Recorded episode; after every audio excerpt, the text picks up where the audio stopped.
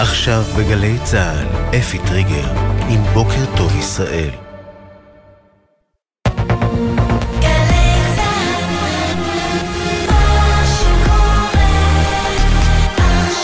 גלי צה"ל, שש בבוקר. בוקר טוב ישראל, עם אפי טריגר, עורך ראשי שרון קינן. שלום לכם. הותרו לפרסום שמותיהם של ארבעה לוחמי צה"ל שנפלו אתמול ברצועת עזה בתקריות שונות. סמל רועי טל, בן 19 מכפר יהושע, לוחם בגדוד 94 חטיבת כפיר, נפל בקרב בדרום הרצועה.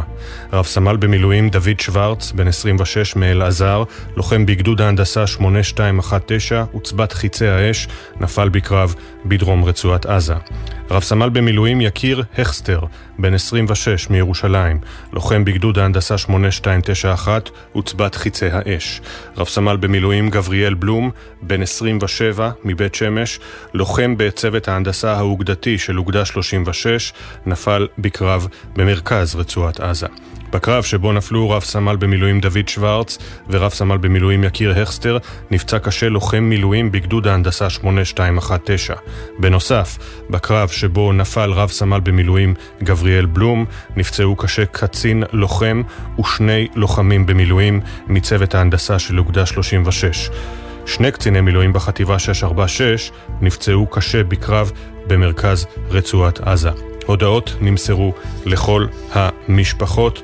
מיד בבוקר טוב ישראל, כל הפרטים שהותרו לפרסום. שר החוץ ישראל כץ אומר שחיסול בכיר, אה, בכיר בכוח רדואן, הזרוע הצבאית של חיזבאללה, בוצע בידינו, בידי ישראל. כך בריאיון אמש לערוץ 14. לגבי הפגיעה בדרום לבנון, כן לקחנו אחריות. על דרום לבנון, כן, על אותו חיסול של המפקד בפועל של אה, כוחות אל-קודס, אה, כוח רדואן, זה חלק מהמלחמה שלנו. הבכיר בכוח רדואן, ויסאם אל-טוויל, היה מעורב בהריגתם אה, של חיילי צה"ל אהוד גולדווסר ואלדד רגב, שגם נחטפו ללבנון ביולי 2006, וכן אחראי לפיגוע במגידו בחודש מרס האחרון. שר החוץ של ארה"ב אנטוני בלינקן שהגיע אמש לישראל אומר uh, כי המלחמה לא צפויה להיפסק בקרוב ותימשך גם לאורך שנת 2024 ולא מתוכננות הפוגות לחימה ברצועת עזה. סוכנות רויטרס מדווחת על תדרוך שביצע בלינקן לבכירים ישראלים ובו אמר שבכוונתו ללחוץ על ממשלת ישראל לעשות יותר כהגדרתו כדי להגן על האזרחים בעזה. בלינקן התייחס לאמירות בקואליציה לעודד הגירה מרצון של פלסטינים מהרצועה והבהיר על ישראל לאפשר לעקורים לשוב לבתיהם. היום הוא ייפגש עם אה, נשיא המדינה הרצוג, ראש הממשלה נתניהו, שר הביטחון גלנט, השר גנץ, וכן עם כל חברי קבינט המלחמה. נאומו של נשיא ארצות הברית ג'ו ביידן נקטע אמש בידי מפגינים באירוע בחירות בקרוליינה הדרומית. הם קראו הפסקת אש עכשיו. ביידן הגיב, עצר את נאומו ואמר, אני עובד עם ישראל כדי לצמצם את הפעילות בעזה ואף לצאת ממנה. With the Israeli government to get them to reduce and significantly get out from Gaza. אני עובד אה, בשקט עם ממשלת ישראל כדי לגרום לה לצמצם משמעותית את הפעילות הצבאית בעזה ולצאת ממנה, כך ביידן. שני מומחים לזכויות אדם מטעם האו"ם טוענים כי האלימות המינית שבוצעה בשבעה באוקטובר כלפי אה, ישראליות עשויה להיחשב פשעים נגד האנושות.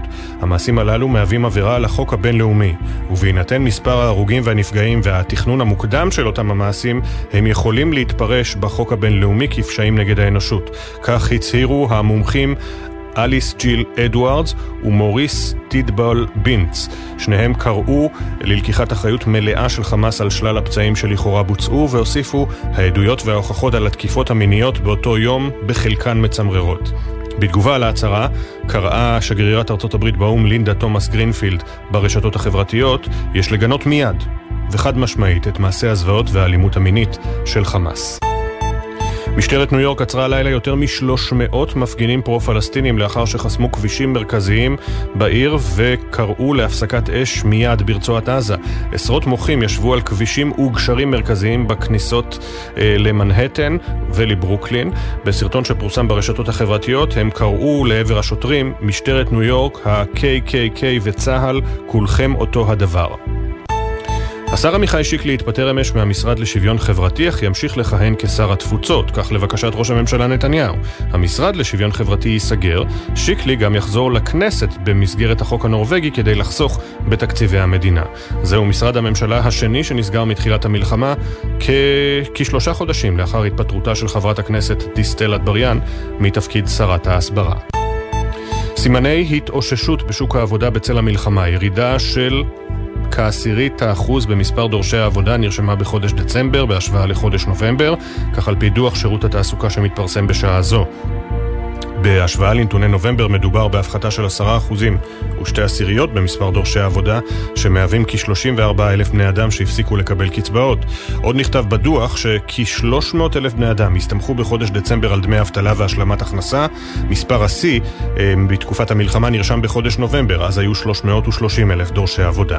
בשירות התעסוקה מעריכים שאחת הסיבות להפחתה במספר דורשי העבודה היא החלטת הממשלה שלא להאריך באופן גורף את תקופת הזכאות לדמי אבטלה, בניגוד למדיניות שהונהגה בזמן משבר הקורונה. מזג האוויר, מעונן חלקית עד בהיר, תחול ירידה קלה בטמפרטורות, אך הן עדיין תהיינה מעט גבוהות מהרגיל לעונה. בחסות ביטוח ישיר, המציע לכם לפנדל ביטוח רכב וביטוח מבנה ותכולה לבית, ותוכלו לחסוך בתשלומי הביטוח. ביטוח ישיר, איי-די-איי חברה לביטוח. בחסות אייס, המציע לכם לפתוח את השנה עם מבצעים כמו ארונית למיקרוגל שבמבצע ב-399 שקלים. בסניפים ובאתר, עד 11 בינואר. אייס. בוקר טוב ישראל עם אפי טריגר. שש דקות וחצי אחרי השעה שש, גלי צה"ל, התוכנית נקראת בוקר טוב ישראל, היום הוא יום שלישי, תשעה בינואר 2024, כ"ח בטבת תשפ"ד. אנחנו פותחים עם uh, ההודעה של דובר צה"ל, הותרו לפרסום שמותיהם של ארבעה חללי uh, צה"ל, בכמה תקריות אתמול בעזה הם נפלו, הודעות נמסרו למשפחותיהם.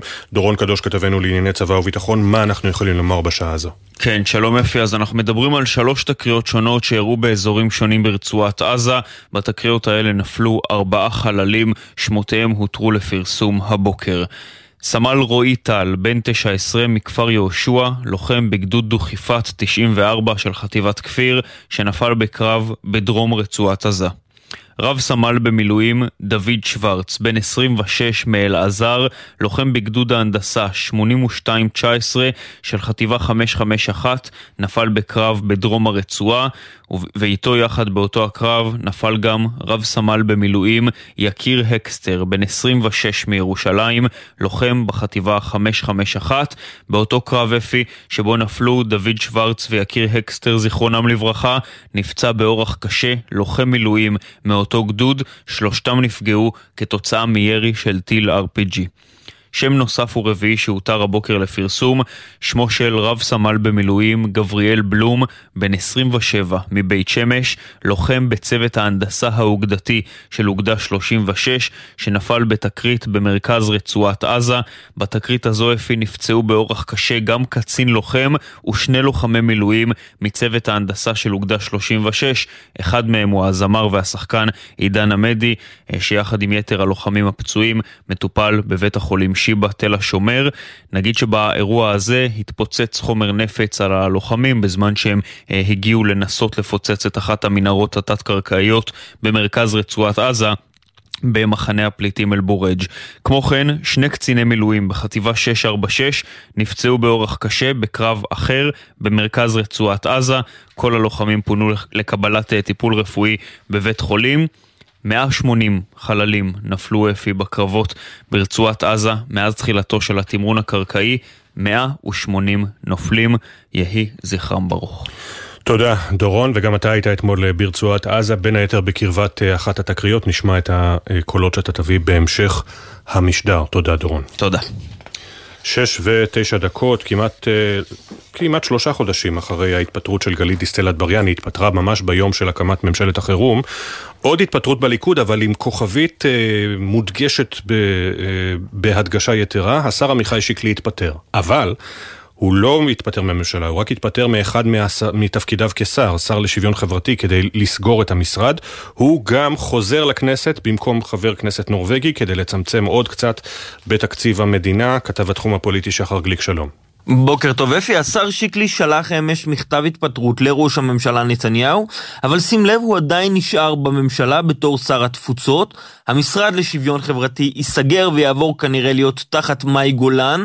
המטרה היא לצמצם בהוצאות המדינה. שיקלי יחזור לכנסת גם בחוק הנורבגי, במקום חבר הכנסת ששון גואטה שייפלט החוצה, גם זה אמור לצמצם בהוצאות.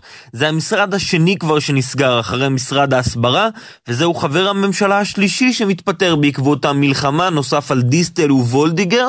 מי שביקש משיקלי לעשות את זה הוא ראש הממשלה נתניהו, ובלשכתו מקווים שזה יתחיל להניע כדור שלג בדרך לסגירה של משרדי ממשלה נוספים בליכוד ובקרב שאר השותפות, לקראת תקציב 2024 שצפוי לדרוש צמצום רחב של הוצאות כדי לממן את המלחמה.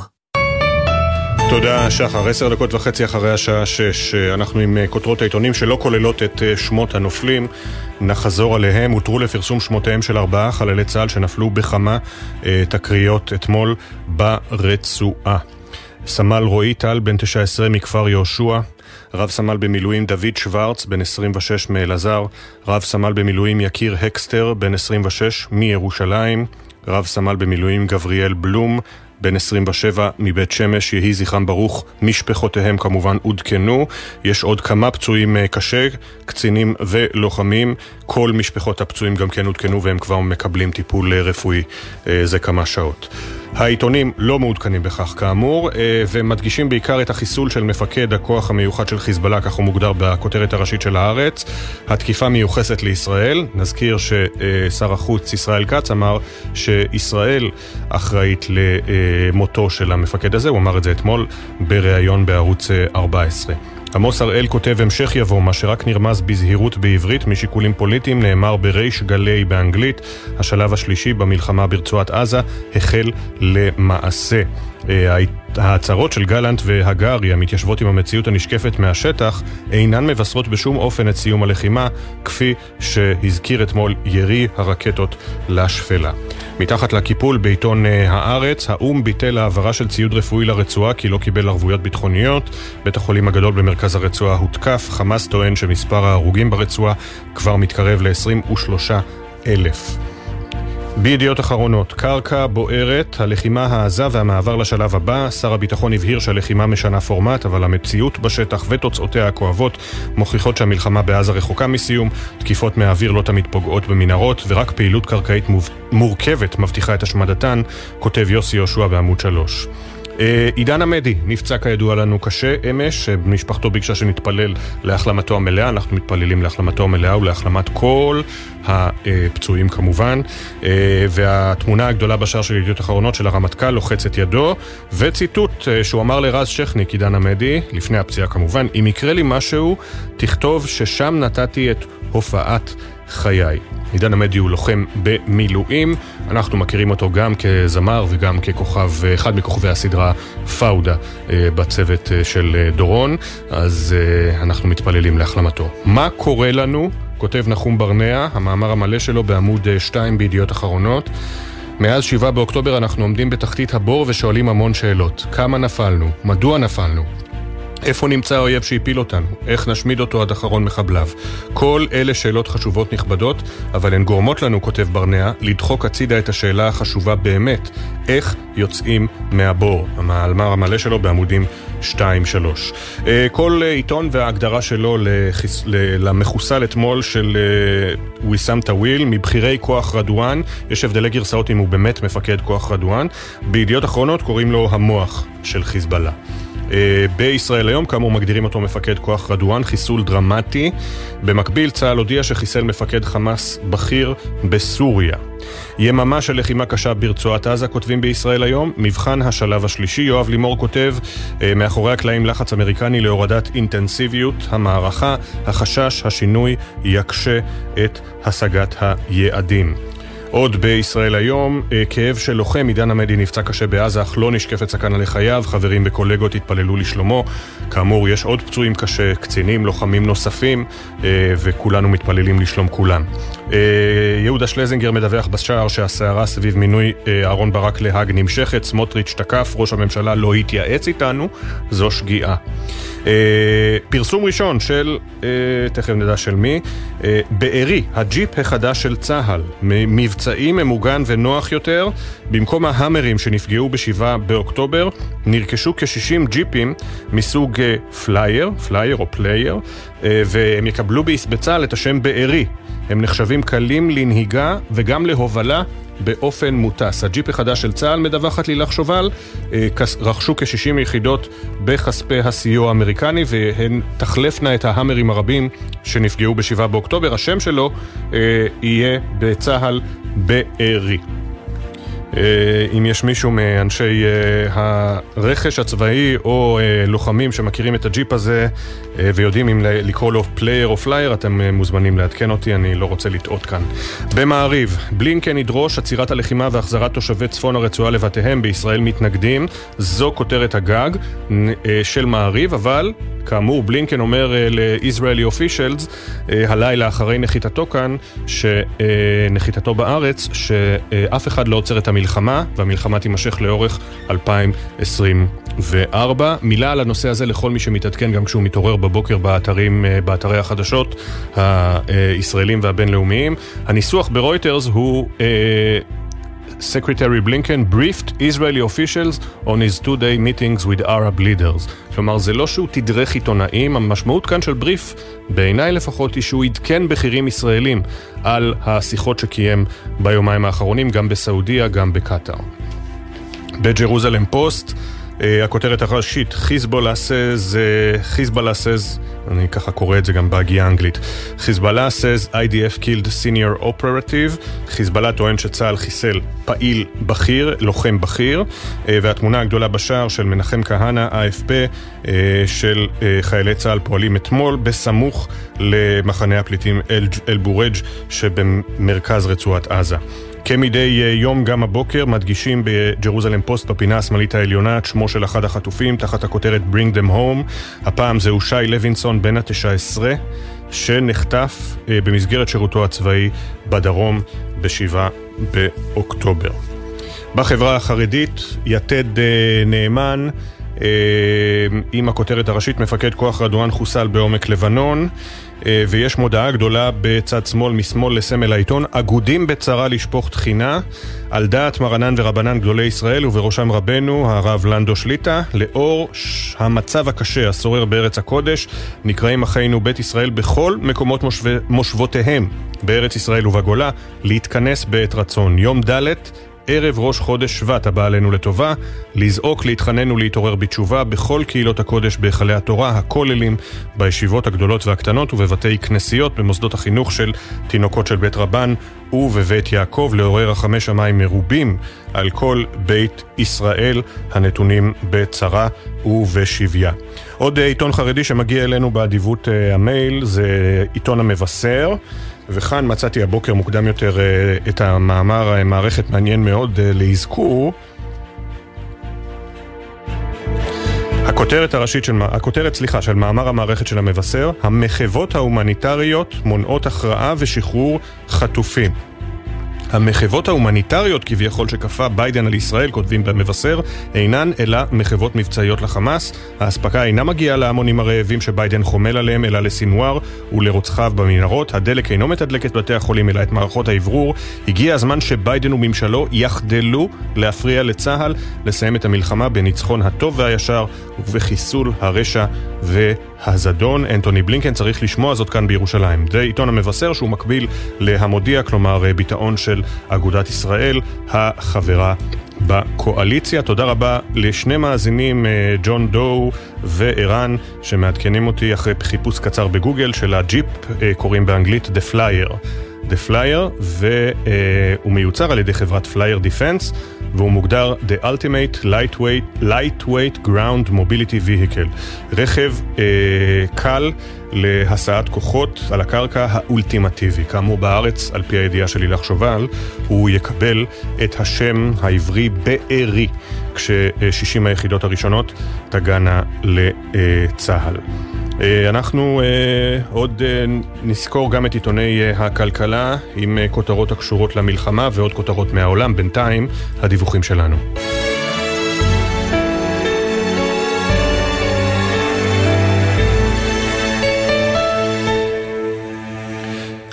אחרי שהידרדר בחודשיים הראשונים למלחמה, שוק העבודה מראה סימני התאוששות. אה, שירות התעסוקה מפרסם ממש הבוקר בשש דוח חדש על מספר דורשי העבודה הנסמכים על קצבאות אבטלה או השלמת הכנסה, אה, והנתון הוא הנמוך ביותר שתועד מאז אוקטובר. שלום לכתבתנו לענייני עבודה ורווחה שירה שפי. בוקר טוב, אפי. בשירות התעסוקה מצביעים הבוקר באופטימיות זהירה על סימני התאוששות. בין החודשים נובמבר לדצמבר נרשמה ירידה של עשרה אחוזים ושתי עשיריות במספר דורשי העבודה, כך לפי דוח חדש של השירות. שיא דורשי העבודה מפרוץ המלחמה היה בחודש נובמבר, אז כ-330 אלף בני אדם הסתמכו על קצבאות אבטלה או השלמת הכנסה. הנתון הזה מגיע כחלק ממגמת התאוששות של שוק העבודה אחרי 7 באוקטובר, מגמה שנמשכת גם היום. למרות זאת, החזרה המלאה לשגרה עוד רחוקה. בחודש ספטמבר היו כ-170 אלף דורשי עבודה. מספר בקשות דמי אבטלה עדיין גבוה בהרבה, כמעט 240 אלף הוגשו בחודש הקודם.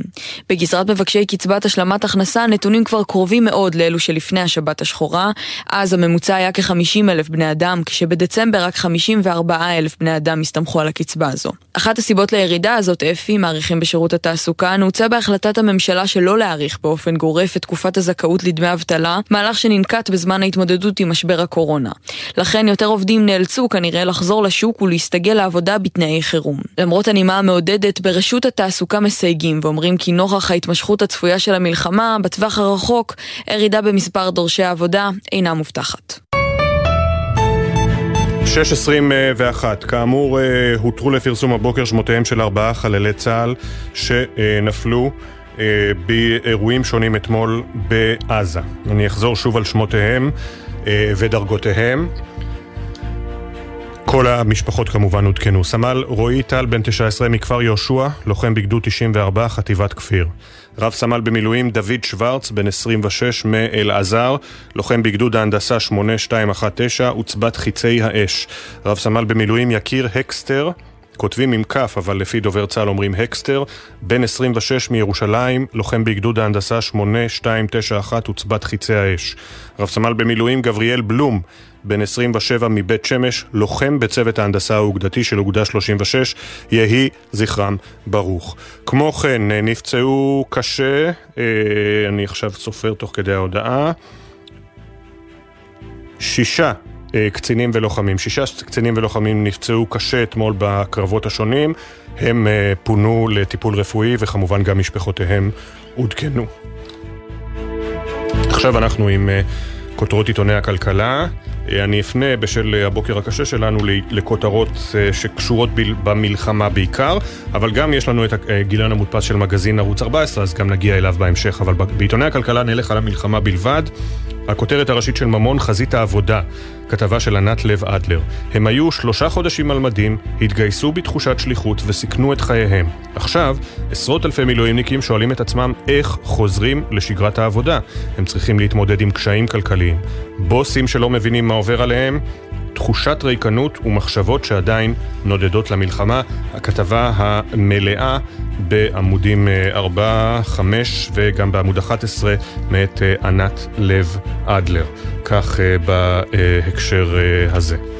בכלכליסט, או-אה, האשמה חריפה של כלכליסט, קיש הפך קבלן ביצוע להחזרה כוחנית של תושבי העוטף לבתיהם. הממשלה רוצה להחזיר את תושבי העוטף ליישוביהם, אך נמנעת מהודעה מפורשת או מהתחייבות לביטחונם. לפני עשרה ימים החליטה שהתושבים יוכלו לשוב לבתיהם אף שאין מערכת חינוך מתפקדת. השבוע גילו התושבים שהפעלת מערכת החינוך הוקדמה לתחילת פברואר. שר החינוך אומר, אין די כוח אדם להחזיק מערכת חינוך כפולה במלונות וביישובים. יוסי קרן, ממלא מקום ראש מועצת שער הנגב, אומר שהשרים יקיימו ישיבה בקריית החינוך בלי שכפ"צים, כמו שילדים מסתובבים בהפסקה. ובינתיים קיש הודיע כי בגבול הצפון אין צפי לחזרה ללימודים עד סוף השנה, הכתבה המלאה בעמודים 2-3 בכלכליסט. יובל אזולאי מספר שחברות הספנות מגיעות להבנות עם החות'ים, ומניית צים הגיבה בירידה חדה, כך בעמוד 6.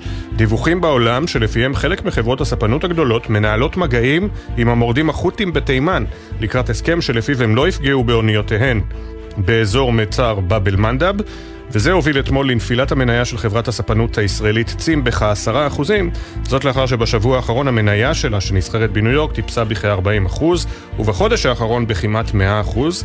אה, הדיווחים, אחד מהם של האתר הדני ShippingWatch, לפי הדיווחים הללו, חלק מחברות הספנות אף הגיעו להבנות עם החות'ים באופן שאמור לאפשר להן לשוט בבטחה יחסית מהים הערבי לים האדום, ומשם להיכנס לים התיכון דרך תעלת סואץ. חלק מהחברות בהן מרסק, שנחשבת לחברה הגדולה בעולם בהובלה של סחורות במכולות, הבהירו אתמול כי השיגו הבנות כאלה עם החות'ים. בדה מרקר, הכותרת הראשית, נתניהו אישר קיצוצים, השאלה אם יתקפל שוב ברגע האחרון.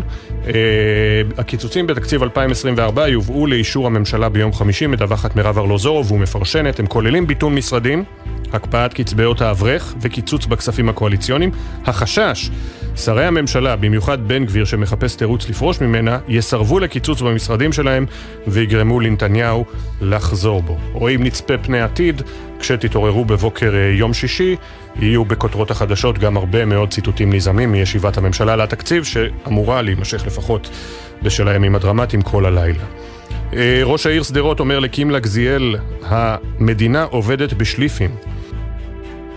ראש העיר שדרות אלון דוידי כינה את החלטת הממשלה להחזיר את תושבי שדרות לעיר מטומטמת ואמר כי אף אחד לא יכול לכפות על תושבי העיר לחזור בניגוד לרצונם. לדברי דוידי, מי שהפר את האמון זה הממשלה וצה"ל. הם צריכים לתת לתושבים מרווח נשימה וזה לא צריך להיות תלוי בכסף. הידיעה מלאה בעמוד 7 בדה מרקר. נעבור לגלובס. במגזר העסקי דורשים להקפיא את שכר המינימום, בהסתדרות מתנגדים בתוקף, מדווח אורן דורי. יושב ראש נשיאות המגזר העסקי דובי אמיתי פנה לשר האוצר בדרישה למנוע את העלאת שכר המינימום הצפויה באפריל, הנימוק אי הוודאות הגדולה לגבי התפתחות המלחמה ב-2024 והנטל על המעסיקים. יושב ראש ההסתדרות ארנון בר דוד, שהסכים בתקופת הקורונה להקפאת שכר דומה, מתנגד לכך כעת בתקיפות, אבל גורמים באוצר מעריכים שדווקא יש לה היתכנות להיכנס כחלק מתקציב 2024. וארבע. אה, עידן ארץ מדווח בעמוד 8 בגלובס, המלחמה בצפון עלולה להוביל למחסור בביצים, למשרד החקלאות אין תוכנית. העלולים בגבול הצפון ממשיכים לייצר ביצים תחת אש, חלקם תוך הפרת צו פינוי. אנשים צריכים להתפרנס, זה תוספת שלי. בינתיים משרד החקלאות טרם גיבש תוכנית להתמודדות עם מחסור לאומי במקרה של מלחמה מול חיזבאללה. אה, משום מה, מדור המשרוקית בודק התבטאות של אה, חברת הכנסת טלי גוטליב מהליכוד ברשת איקס לשעבר טוויטר. אני מניח שלא תופתעו לגלות שהדברים לא נכונים, ארבעה קווים אה, אדומים. הטענה שלה הייתה שלרמטכ"ל אין סמכות להקים ועדת בדיקה עם גורמים חיצוניים. לא נכון בהחלט, ברור שלרמטכ"ל יש סמכות. טוב, הציטוט היומי לא כל כך קשור אה, לאווירה, אז אנחנו נסתכל גם על אתרים בעולם. לפני כן, כאמור, גיליון אה, מגזין 14, המגזין של אה, הירחון של ערוץ 14. הכותרת מורכבת מאותיות של כותרות עיתונים במילה אחת קונספציה. מפת האינטרסים של מלחמת חרבות ברזל, הזינוק במעשה האנטישמיות, סקר על השלכות אסון שמחת תורה, מלחמת חרבות ברזל, גיליון מלחמה מיוחד. נסתכל בתוכן העניינים.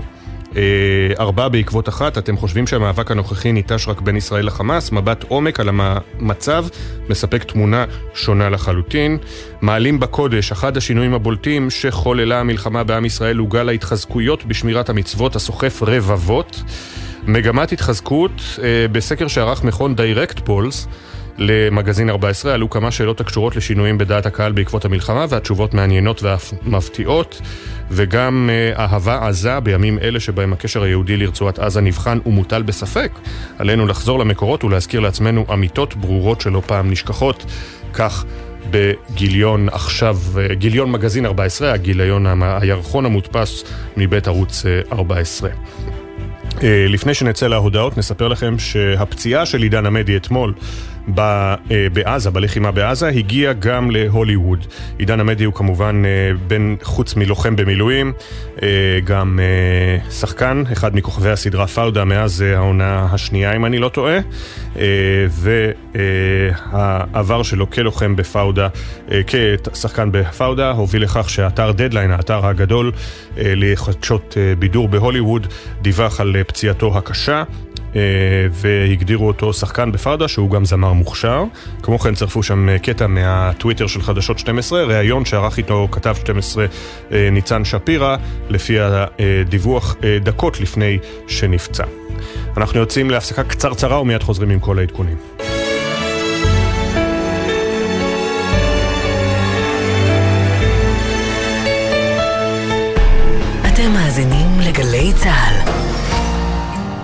יחד במלחמה. אריאל סאט, שהוקפץ כלוחם גבעתי ב-7 באוקטובר. רושמת לי היי אריאל, האנשים המבוגרים שבתמונה זה ההורים שלי. ורציתי לו ממש, אין לי דרך להודות לך על זה שחילצת אותם החוצה. הייתי מאוד שמחה שתיפגשו. ישר שראיתי אותם, הדמעות זלגו, וחיבקתי אותם כאילו זה משפחה שלי. כתבנו את השיר הזה לחיילת יקרה, רבית אסייג, שנפלה בשבת השחורה של השביעי לעשירי. הלכנו עם זה למשפחה, אנחנו פשוט רואים את המשפחה, מתפרקים לידינו. רינו צרור הצליח להביא אלינו צוות שידור, להראות לכולם מה באמת קורה בזמן אמת. אני חייבת לציין גם את קולה של אימא, הוא אמר לי שהם שמעו, וזה חיזק אותם ונתן להם כוחות. וזו בדיוק הסיבה שאנחנו פה. גלי צה"ל, פה איתכם, בכל מקום, בכל זמן. עכשיו בגלי צה"ל, אפי טריגר, עם בוקר טוב ישראל. 6 ו-30 ועוד חצי דקה הכותרות. הבוקר הותרו לפרסום שמותיהם של ארבעה לוחמי צה"ל שנפלו ברצועת עזה בשלוש תקריות שונות, הודעות נמסרו למשפחותיהם. סמל רועי טל, בן 19 מכפר יהושע, לוחם בגדוד 94, חטיבת כפיר. רב סמל במילואים דוד שוורץ, בן 26 מאלעזר, לוחם בגדוד ההנדסה 8219, עוצבת חיצי האש. רב סמל במילואים יקיר הקסטר, בן 26 מירושלים, לוחם בגדוד ההנדסה 82 91 עוצבת חיצי האש. רב סמל במילואים גבריאל בלום, בן 27 מבית שמש, לוחם בצוות ההנדסה האוגדתי של אוגדה 36, הוא נפל במרכז רצועת עזה בתקרית שבה התפוצץ חומר נפץ על לוחמי הנדסה.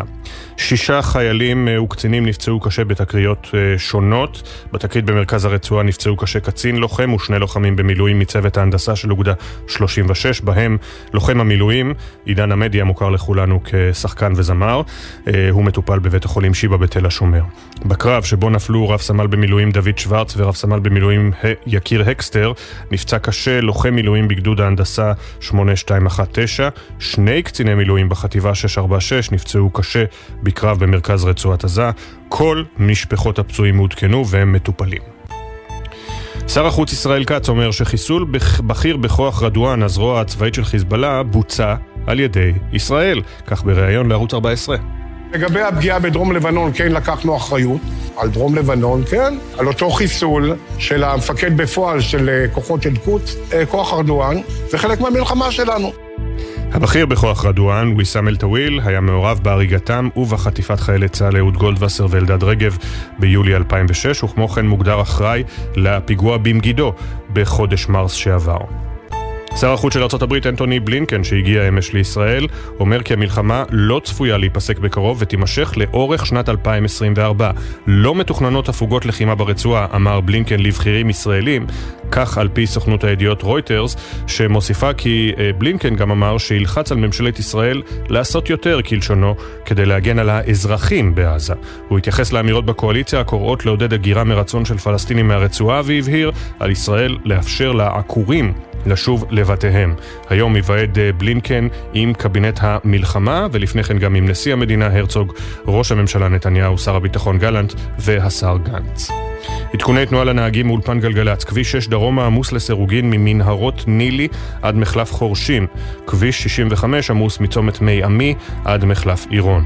מזג האוויר מעונן חלקית עד בהיר, תחול ירידה קלה בטמפרטורות, אך הן עדיין תהיינה מעט גבוהות מהרגיל לעונה.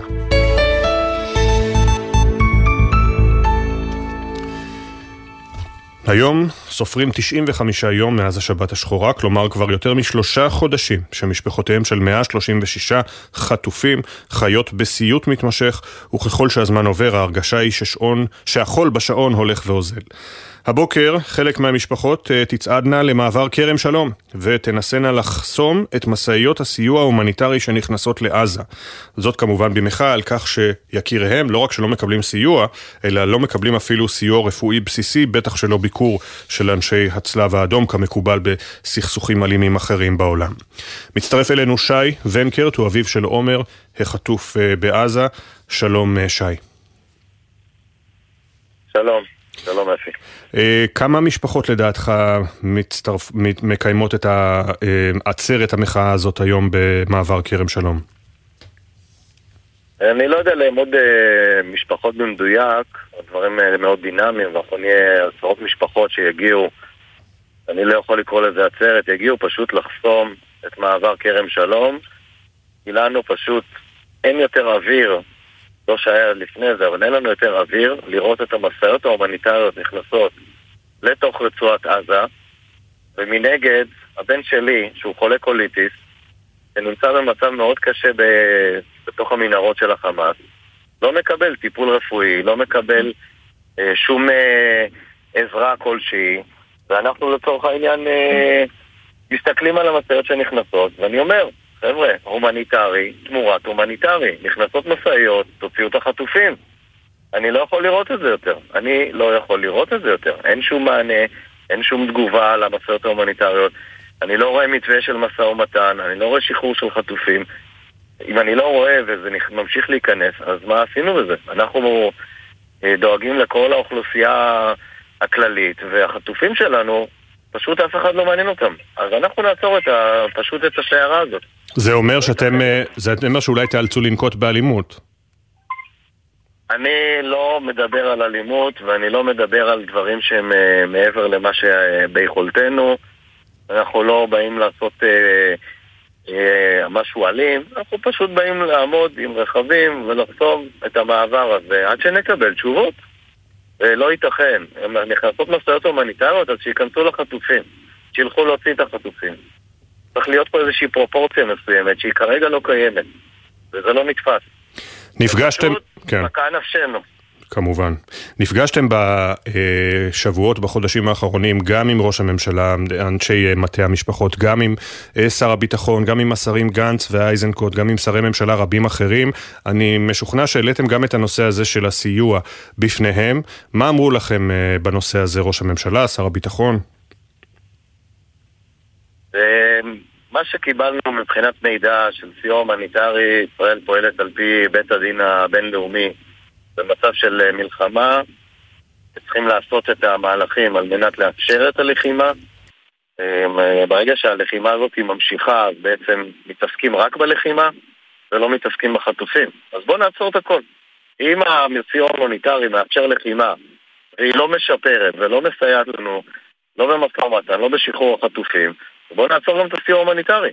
איך, אה, איך בדיוק אה, עובדים בשיטה הזאת? המשימה היחידה והראשונה שצריכה להיות פה למדינת ישראל, קרי ממשלת ישראל דרך קבינט המלחמה, להחזיר את החטופים הביתה.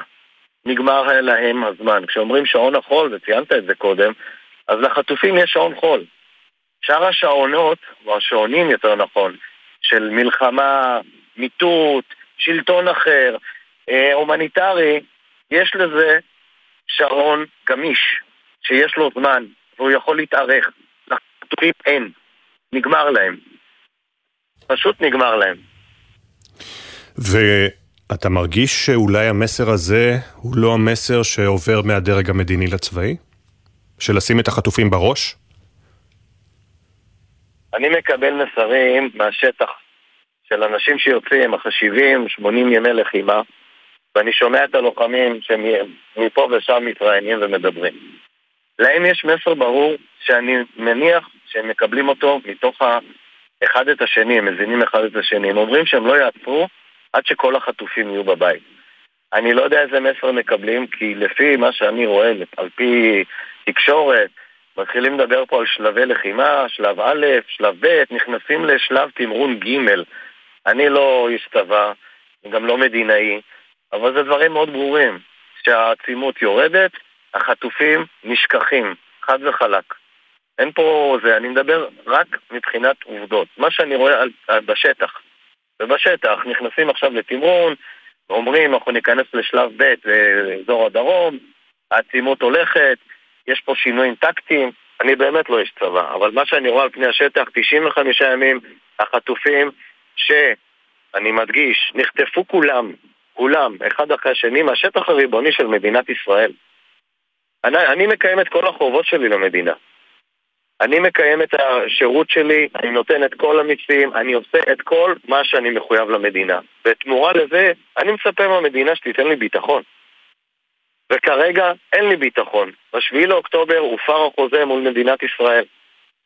הם אחראים להחזיר את החטופים. הם לא יכולים לשבת ולתכנן לחימה על חשבון החטופים. זה לא הגיוני.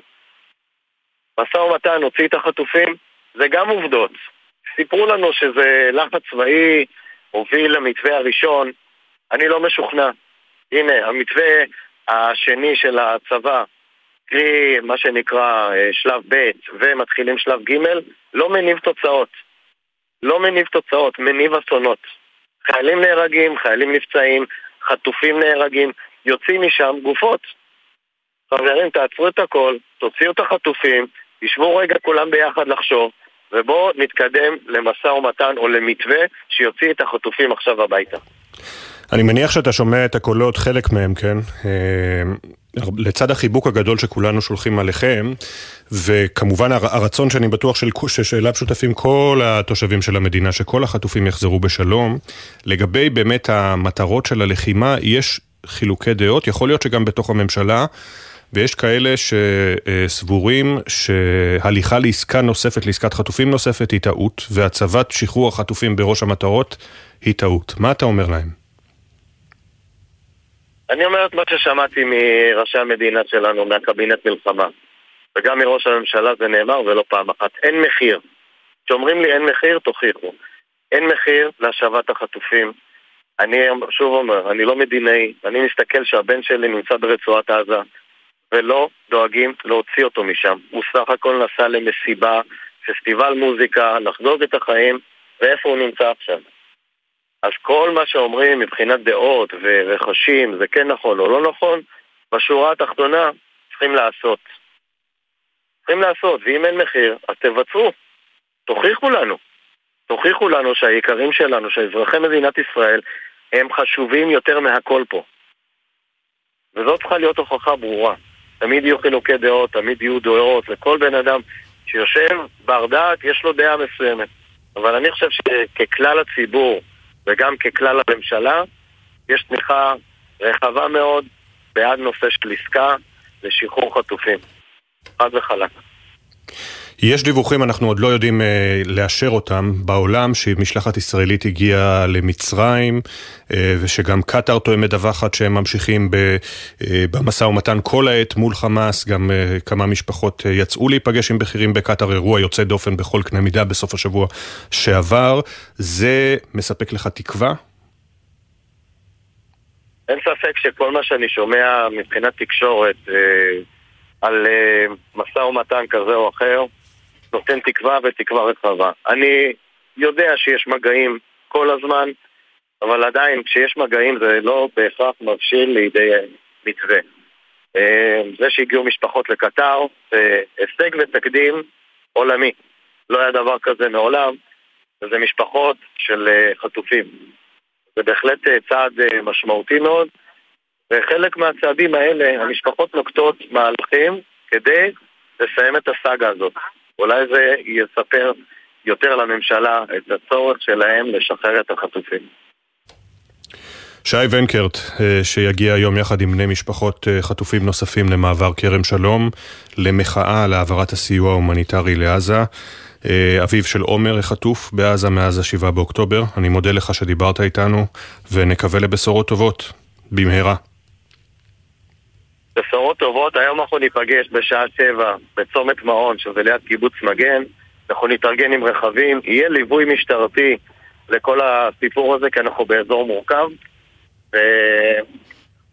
זהו, מזמין את הציבור גם לבוא ולתמוך יחד איתנו. שבע בערב. שבע בבוקר. בבוקר, סליחה. בעוד רבע שעה, כן, כן סליחה. שבע כן. בבוקר, בקיבוץ מגן אתם נפגשים. שבע וחצי אנחנו יוצאים לכרם שלום. שי, תודה רבה. תודה רבה. אנחנו כמובן אה, ממשיכים ללוות את משפחות החטופים, להביא גם את הקולות שלהם, אה, גם אה, את הקולות האחרים. וגם אנחנו ממשיכים הבוקר במיזם שלנו מאחורי השמות, מדי בוקר. מספרים כאן משהו קצר על כל נרצח ונופל, אנקדוטות שאת חלקן בני משפחה וחברים שלחו לנו. נעשה זאת על כל אחת ואחד מאחורי השמות.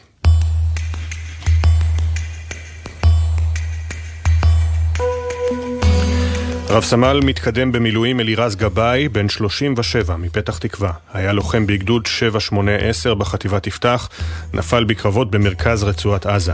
אלירז, שהספיק לצאת מהלחימה לחגוג יום הולדת עם משפחתו, היה מדריך צלילה, אבל לפני הכל, מורה לחיים, שלימד את סובביו דרך ארץ.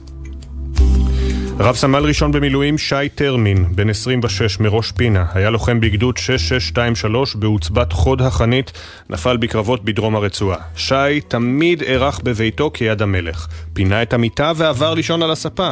שלח שרשרת משלוחי וולט, והקפיד אפילו לבקש מחבריו לדרג את חוויית הלינה. כעוזר הפקה בסדרות, הפך גם את uh, סט הצילומים לביתו. כי תמיד הגיע ראשון בבוקר ועזב אחרון בלילה. ובכל פעם, מחדש, הוכתר לחתיך של ההפקה. רב סמל במילואים ליאב סעדה, בן 23 מטבריה, היה לוחם בגדוד 7107, נפל בקרבות בצפון רצועת עזה. ליאב, שהחיוך אף פעם לא מש מפניו, התעקש להתגייס לקרבי, על אף שיכול היה להמשיך ללמוד. סמל ראשון, דניאל קסבצ'וק, בן 21 משדרות, היה טכנאי אלקטרומכניקה ביחידת מורן, נפל בשבת השחורה. דניאל אף פעם לא הפסיק להתנדב. הוא חילק את זמנו בין ביקורים בבתי אבות ועזרה לילדים, וכשראה ברחוב ניידת תרומות דם, התייצב בראש התור. רב סמל במילואים עמיחי ישראל יהושע אוסטר, בן 24 מקרני שומרון, היה לוחם בגדוד 70-20 בעוצבת השרון, נפל בקרבות בצפון רצועת עזה. עמיחי היה מוזיקאי, ויצר לא רק מנגינות, אלא גם עוגות יום הולדת מושקעות במיוחד, ששילבו בין קינוח לחידה. מיד עם הבנת ממדי האסון בשבת השחורה, הוא קטע טיול בארצות הברית וחזר ארצה. חיים חיימי בן נעים, בן 55, נרצח בשבת השחורה בדרכו לביתו בנתיב העשרה. חיים שהתכונן לתחרות אופניים בבוקר 7 באוקטובר, נהג לקנח כל רכיבה בבירה קרה, בדיוק בטמפרטורה שאהב. בכל פעם שמישהו התלונן, חיים חזר על המוטו שלו. מה רע לנו בחיים האלה? הוא בהחלט נהנה מהחיים, בייחוד כשטרף אותם לצד עוגיות קטנות וקפה ללא סוכר.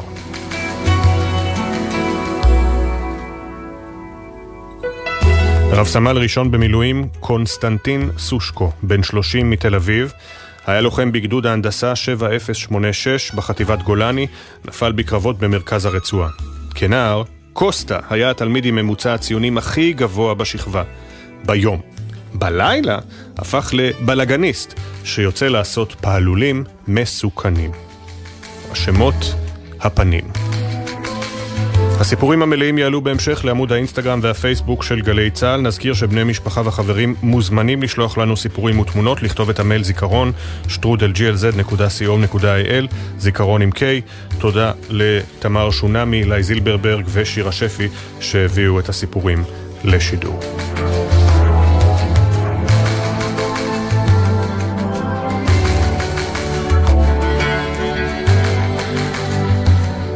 648, פינת הפרשנים שלנו על אה, עזה וחמאס אחרי 95 ימי לחימה בבוקר הקשה הזה שבו מותרים לפרסום שמותיהם של ארבעה נופלים בקרבות שונים אתמול בעזה אה, וגם לאחר אה, אזעקות בשפלה אתמול אחרי יותר משבוע של הפסקה.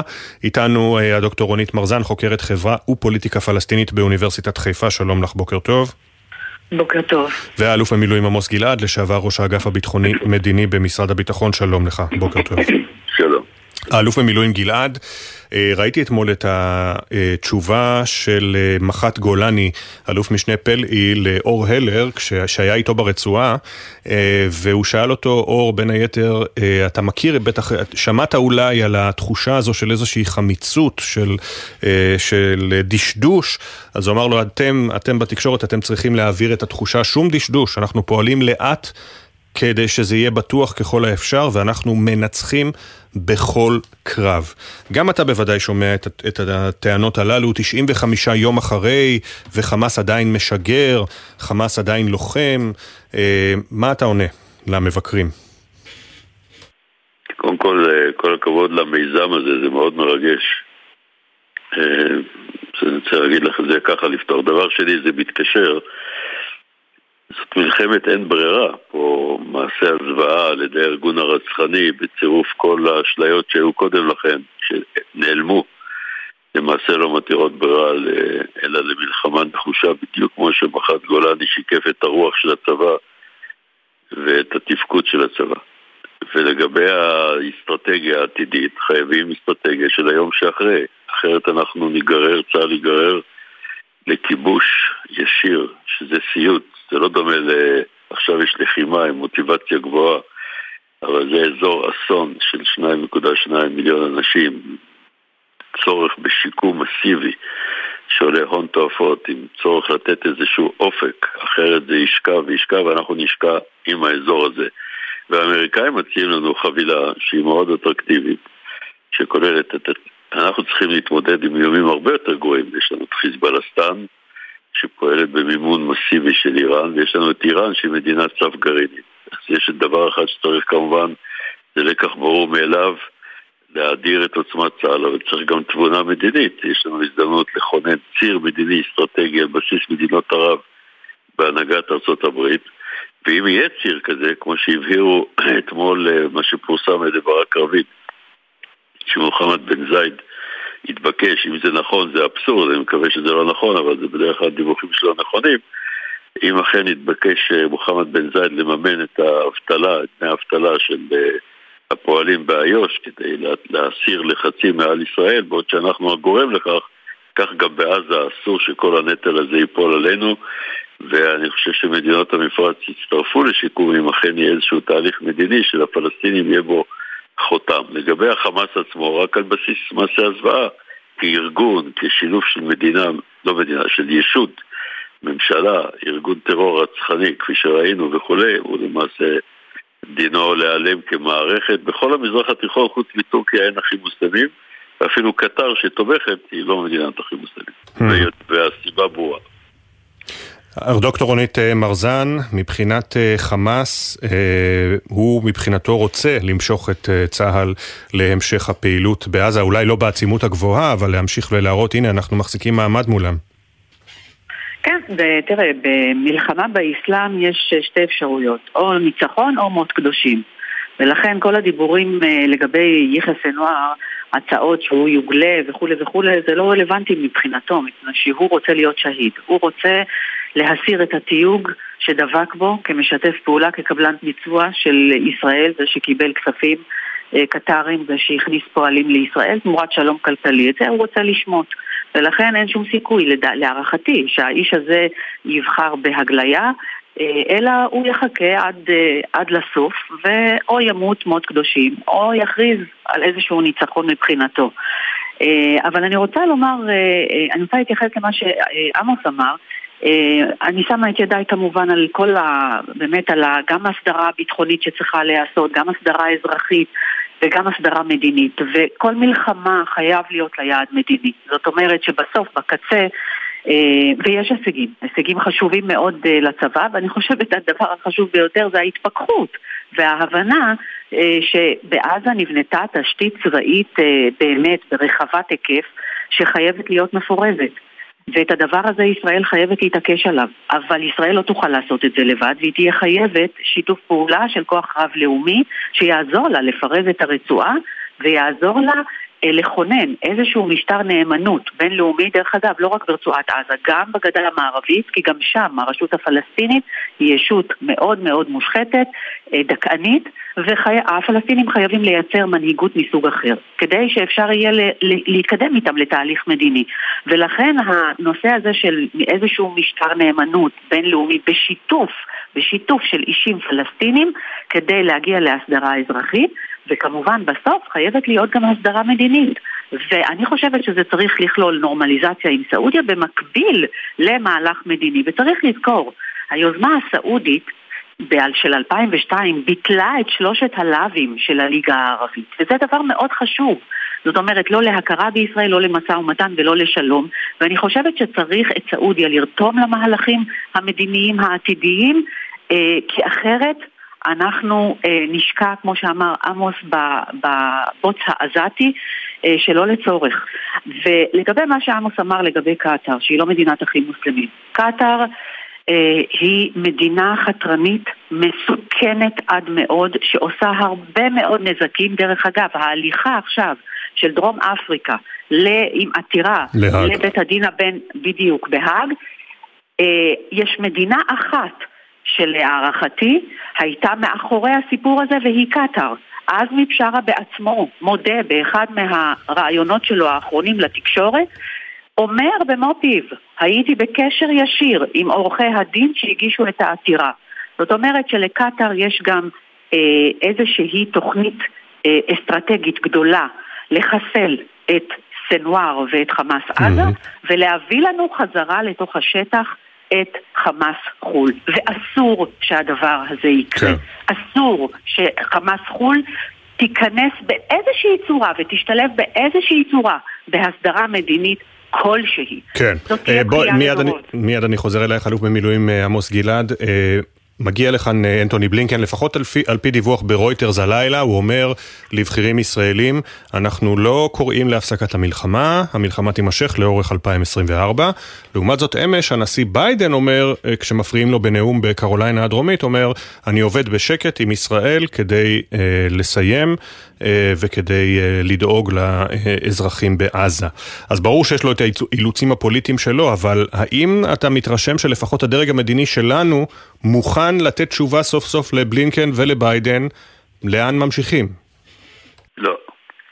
קודם כל אין סתירה כמובן בין הנשיא לשר החוץ. שר החוץ בעצם אומר דבר חשוב מאוד מאוד מאוד שנשיא ארצות הברית החליט עליו, והוא שארצות הברית תומכת בישראל בפגיעה אנושה שהיא תפגע באופן אנוש בחמאס ותחריט אותו כארגון טרור וכממשלה מעזה. זה פשוט לא יכול להתקיים, המערכת הזאת לא יכולה להתקיים, בוודאי אחרי הזוועות שבוצעו כפקודה מלמעלה, בהיקפים ובמעשי זוועה נוראים. עכשיו, האם אתה שואל אותי אם מוכנים?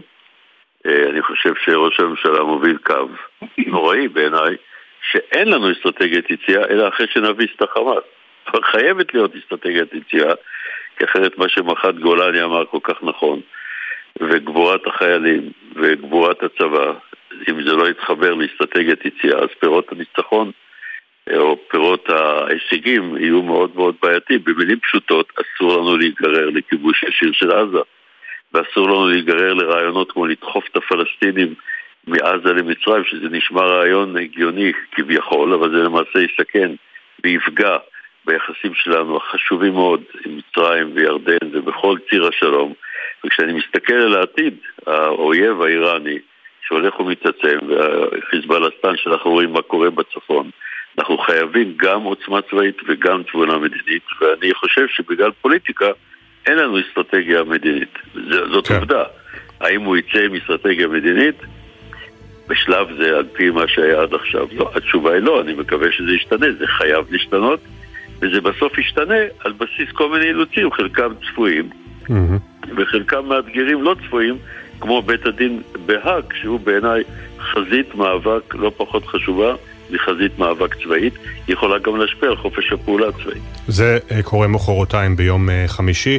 אה, לצערי השעון דוחק בנו, אז אני מתנצל בפני הדוקטור רונית מרזן, לא הספקתי לחזור אלייך. תודה רבה לך ולאלוף במילואים עמוס גלעד. אנחנו מסיימים את השעה הראשונה של בוקר טוב ישראל, מיד אחרי הפסקה של פחות מדקה וחצי. השעה השנייה עם כל העדכונים על התקריות בעזה שבהן נהרגו לוחמי צה"ל. ארבעה שמות אותרו הבוקר לפרסום, כמובן אחרי שנמסרו הודעות למשפחותיהם. עוד שישה פצועים קשה שמטופלים וגם הודעות נמסרו עליהם. מיד כל הפרטים. בוקר טוב ישראל.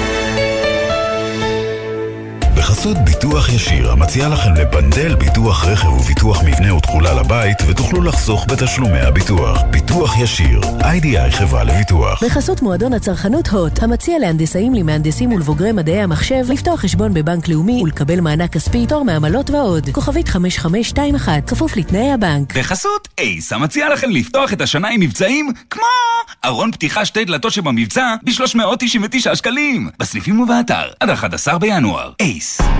אתם מאזינים לגלי צה"ל.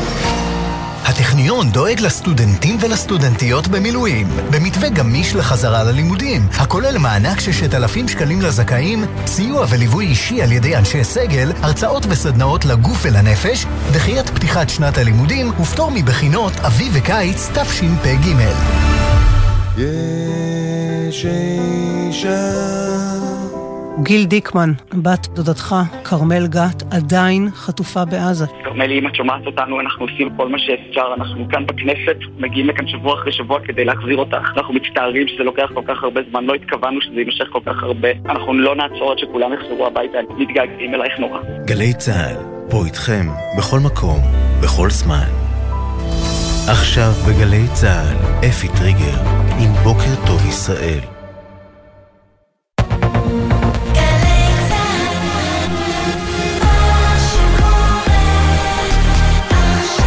שבע בגלי צה"ל יממה קשה ברצועה, ארבעה חיילים נפלו בתקריות שונות במרכז ובדרום רצועת עזה, שישה חיילים וקצינים נפצעו קשה. כתבנו הצבאי דורון קדוש ידווח ויביא קולות מהרצועה. נהיה עם חבר הכנסת אלוף משנה במילואים מתן כהנא, ועם ראש המועצה לביטחון לאומי לשעבר, האלוף במילואים יעקב עמידרור. בצפון, שגרת מלחמה. שיטת מצליח, מה שיפול ייפול, מה שלא ייפול נתחמק ממנו. בגבול לבנון כבר התרגלו, מתושבי קריית שמונה שאוספים רסיסי טילים, ועד החוקר במכללת תל חי שמגיע יום-יום למעבדה למרות ההפגזות. ציוד נמצא כאן, אז אה, אמרתי, אני אמשיך את המחקר כאן. כתבתנו הדס שטייף הייתה איתם.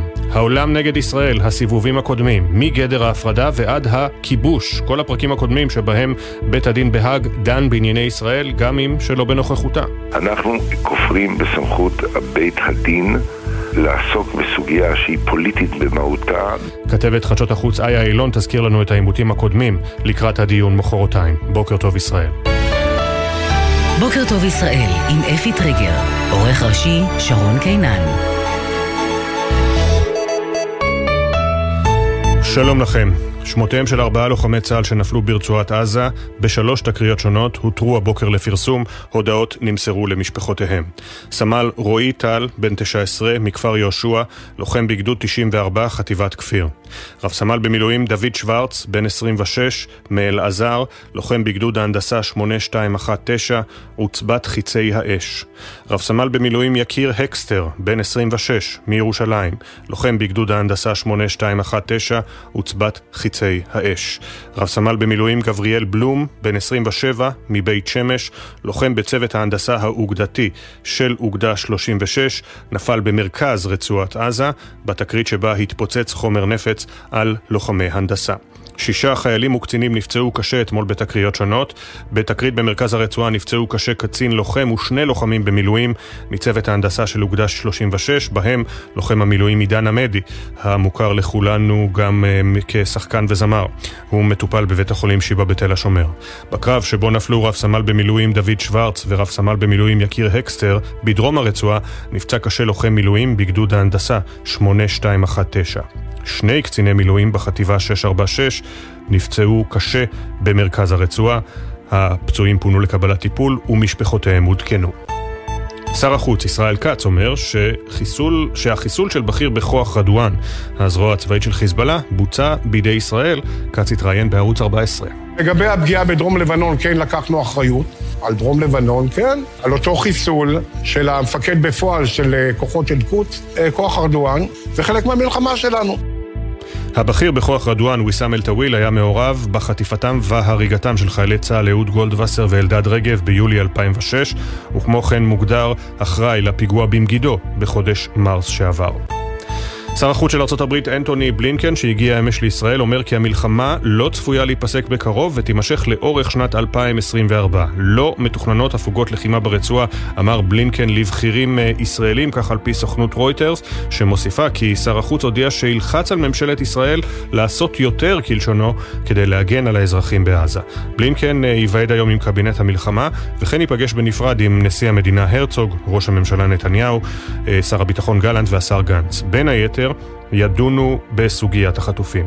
בתוך כך, כמה ממשפחות החטופים מנסות הבוקר לחסום את מעבר כרם שלום במחאה על כניסת משאיות לרצועה. בשעה זו הן מתאספות לקראת היציאה אל כרם שלום. שוחחנו בבוקר טוב ישראל עם שי ונקרט, אביו של עומר ונקרט, החטוף בעזה. הוא מתח ביקורת על אה, מדיניות הלחימה. סיפרו לנו שזה לחץ צבאי הוביל למתווה הראשון. אני לא משוכנע. הנה, המתווה השני של הצבא, קרי מה שנקרא אה, שלב ב' ומתחילים שלב ג', לא מניב תוצאות, מניב אסונות. שר הביטחון יואב גלנט משיב הבוקר לטענות חבריו בליכוד על החלטתו לעבור לשלב הבא בלחימה ברצועה ואומר, דבריי הוצאו מהקשרם. שלבי המבצע הם מיועדים על מנת ליצור שפה משותפת בין הדרגים השונים בצבא לממשלה. צר לי שהדברים שהסברתי לקחו חלק מהאנשים לפרובוקציות. בליכוד תקפו אמש את שר הביטחון גלנט בישיבת הסיעה, זאת בעקבות ההחלטה לעבור לשלב המלחימה ברצועה, מלחימה עצימה למבצעים מיוחדים, כפי שתיאר בריאיון לעיתון וול סטריט ג'ורנל. גלנט הסביר בתגובה על הביקורת כי מדובר במינוח פנימי של הצבא, והלחימה רחוקה מלהסתיים, ואמר כי אף אישה משדרות או נתיבות לא תאמר לצה"ל מתי לעבור שלב, אמירה שגררה תגובות אה, זוהמות וגם הבהרה נוספת מצידו של אה, גלנט. עכשיו העדכונים מגלגלצ. בחסות ביטוח ישיר, המציע לכם לפנדל ביטוח רכב וביטוח מבנה ותכולה לבית, ותוכלו לחסוך בתשלומי הביטוח. ביטוח ישיר, איי-די-איי חברה לביטוח. כביש 6 דרומה עמוס לסירוגין ממנהרות נילי עד מחלף חורשים. כביש 65 עמוס מצומת מי עמי עד מחלף עירון. כביש גאה צפונה עמוס מכיוון מחלף חולות עד מחלף ראשון לציון. בכביש 42 צפונה יש עומס תנועה מעין הקורא עד מחלף ראשון לציון, ובאיילון צפונה עמוס ממחלף מבוא איילון עד מחלף לגוארדיה. מזג האוויר מעונן חלקית עד בהיר, תחול ירידה קלה בטמפרטורות, אך הן עדיין תהיינה מעט גבוהות מהרגיל לעונה. בוקר טוב ישראל עם אפי טריגר.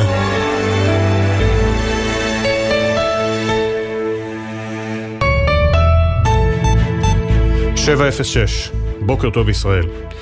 יותר מחודשיים מאז שהחל המבצע הקרקעי, 95 ימים מאז 7 באוקטובר.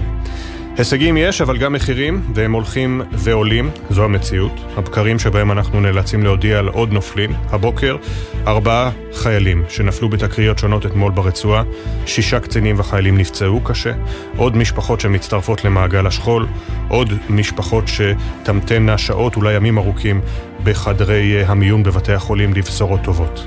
ואם לצטט קטע משיר של הזמר עידן עמדי, שאתמול כלוחם אה, במילואים נפצע קשה בעצמו ברצועה, לעזאזל כמה גיבורים יש במדינה.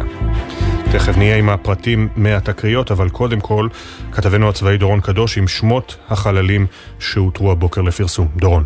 כן, שלום אפי, אז אה, שמותיהם של ארבעה חללי צה"ל הותרו הבוקר לפרסום, ארבעתם נפלו בשלוש תקריות שונות במרכז הרצועה ובדרומה.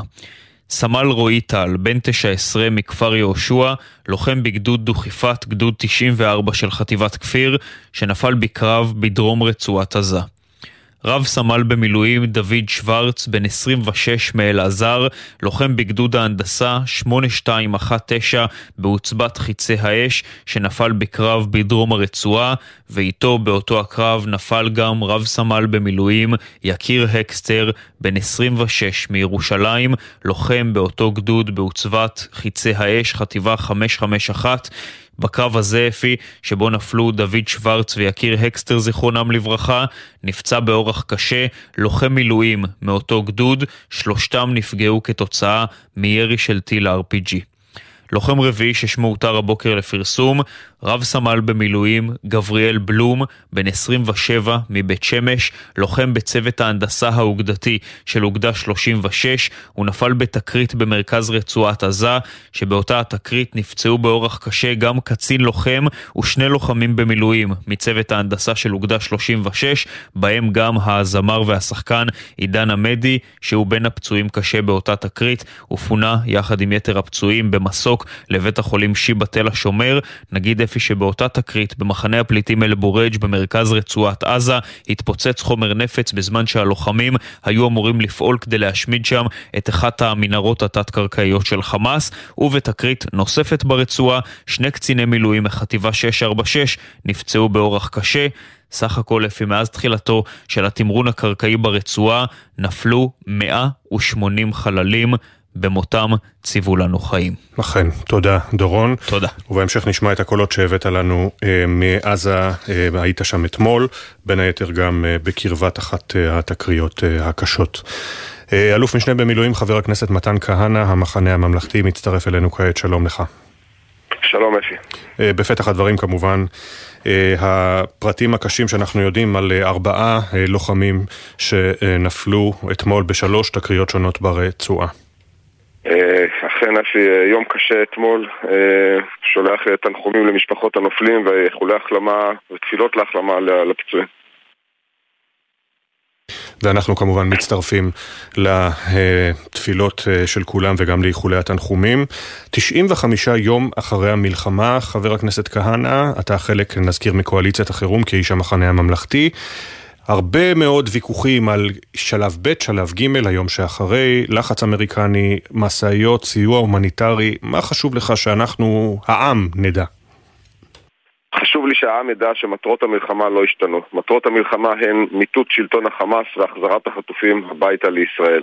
אלה המטרות, אנחנו אה, נפעל בנחישות אה, להשיג אותם, וגם אם עכשיו אה, מכל מיני שיקולים כאלה ואחרים עושים, אולי זה אפילו אמירות, הגדרות סמנטיות, משנים את אופי הלחימה, זה לא אומר שהמטרות האלה ישתנו. אנחנו נחושים להגיע למטרות האלה, אף אחד לא חשב שזה הולך להיות קצר, אף אחד לא חשב שזה הולך להיות קל. אבל אנחנו לגמרי אה, נחושים להשיג את המטרות. כן, שר החוץ בלינקן, שר החוץ של ארה"ב כמובן, נמצא כאן, אה, הגיע, בל... הגיע אמש אה, לקראת חצות, והוא אמר על פי דיווח בסוכנות רויטרס שהלחימה תימשך לאורך שנת 2024, לא מדברים על הפוגות, אבל הוא כן מתכוון ללחוץ על ממשלת ישראל כדי שתהיה שמירה הדוקה יותר על חיי הבלתי מעורבים בעזה. מדינת ישראל אה, נלחמת על פי הדין הבינלאומי. מדינת ישראל אף פעם לא שמה כמטרות אה, אזרחים, בניגוד לאויב הברברי הנאצי שמולו אנחנו נלחמים. אנחנו נלחמים אה, נגד אה, מחבלים, נגד חמושים. לצערי, או לצערם, הם אה, משתמשים באזרחים שלהם כמגינים אנושיים בצורה אה, פשוט צינית ולכן אה, נהרגים גם אזרחים, אבל זה בפירוש לא המטרה שלנו, בפירוש לא המטרה שלנו. אנחנו נלחמים בעוצמה רבה נלחמים בצורה כזו שכמובן שומרת ככל האפשר על, על חיילי צה"ל, על שלומם של חיילינו. אם האויב הציני משתמש באזרחיו כמגינים, אזרחי, כמגינים אנושיים, אה, זה, זה בעיקר צריך להפנות את התלונות האלה לחמאס, אבל אה, אתה יודע, זה לא משהו חדש, אנחנו כבר מכירים את זה לאורך שנים. במו עיניי ראיתי את זה בשנים עברו, כאשר גם אני זכיתי להשתתף בקרבות. כן, כטייס קרב כמובן. אה, וכאשר אנחנו באמת שומעים על, ה, למשל, את שר החוץ ישראל כץ, ממש ימים ספורים בתפקיד, אתמול בריאיון בערוץ 14 מכריז שאנחנו חיסלנו את הבכיר, ב... אנחנו, ישראל אחראית לחיסול הבכיר בכוח רדואן, למרות שישראל בכלל קיבלה אחריות על חיסול אחר בסוריה של בכיר חמאס בסוריה. זה לא קצת אה, ברברת מיותרת? אינני דוברו של אה, השר כץ, אה, שהוא יעשה מה שהוא אה, מבין. אנחנו, אני כמובן לא מוכן להתייחס לאף מקרה פרטני בצורה כזו או אחרת. אני כן יכול להגיד שאנחנו במלחמה מול אויב. אין, לא תהיה חסינות לאף אחד, שוב, לא בשום התייחסות פרטנית, לא תהיה חסינות לאף אחד, כל מי שמעורב במלחמה נגדנו, כל מי שמעורב בוודאי בטבח של השביעי לאוקטובר, אה, דמו בראשו, ואנחנו, יש לנו חוב מוסרי להגיע לכל אחד מהם, ושאף אחד מהם לא ימות מוות אה, טבעי בסופו של דבר.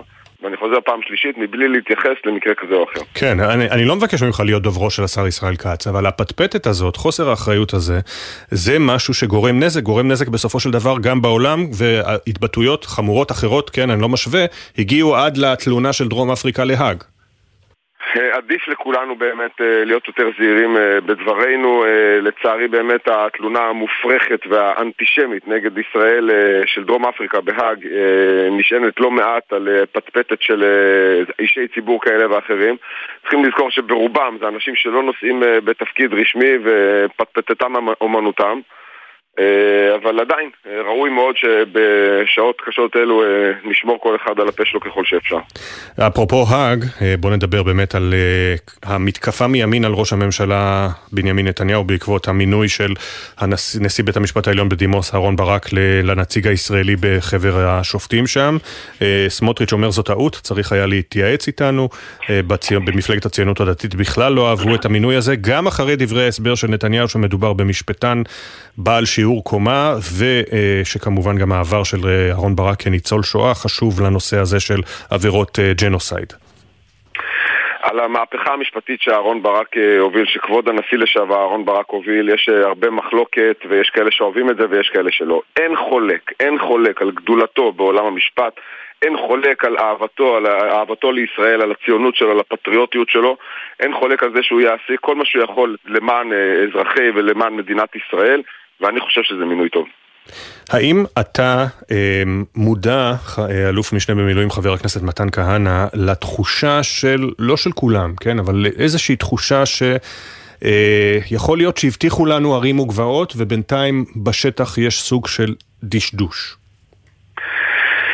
תראה, מה זה הבטיחו ערים וגבעות? היעדים הם, כמו שאמרתי, נשארו כמו שהם. מיטוט שלטון החמאס והחזרת החטופים. אלה יעדים מאוד מאוד קשים לביצוע. צריכים לזכור שרצועת עזה, אמנם היא מאוד קטנה, אבל זה באמת, בפועל, זה השטח הכי מבוצר בתולדות המלחמות מאז אה, ראשית ימי המלחמות בהיסטוריה.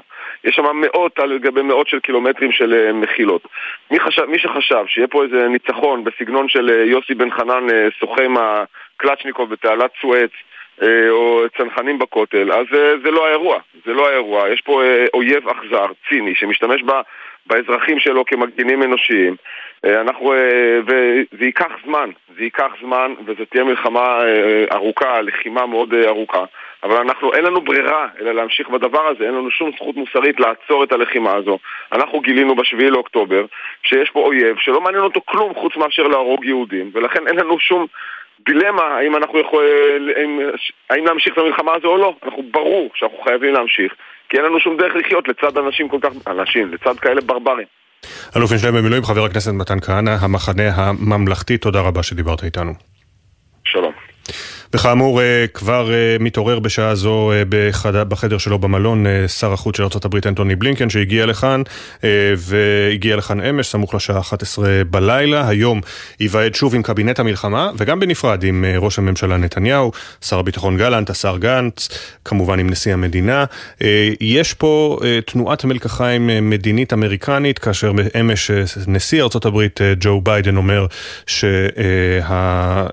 שהוא פועל בשקט בשקט מול ישראל כדי לסיים את המלחמה, ומנגד בלינקן אומר לפחות על פי סוכנות רויטרס שהוא הבהיר גם למנהיגים הערבים ששוחח איתם בימים האחרונים שהלחימה תימשך לאורך אה, שנת 2024 אה, ושאין שום כוונה לבקש מישראל לעצור את הלחימה.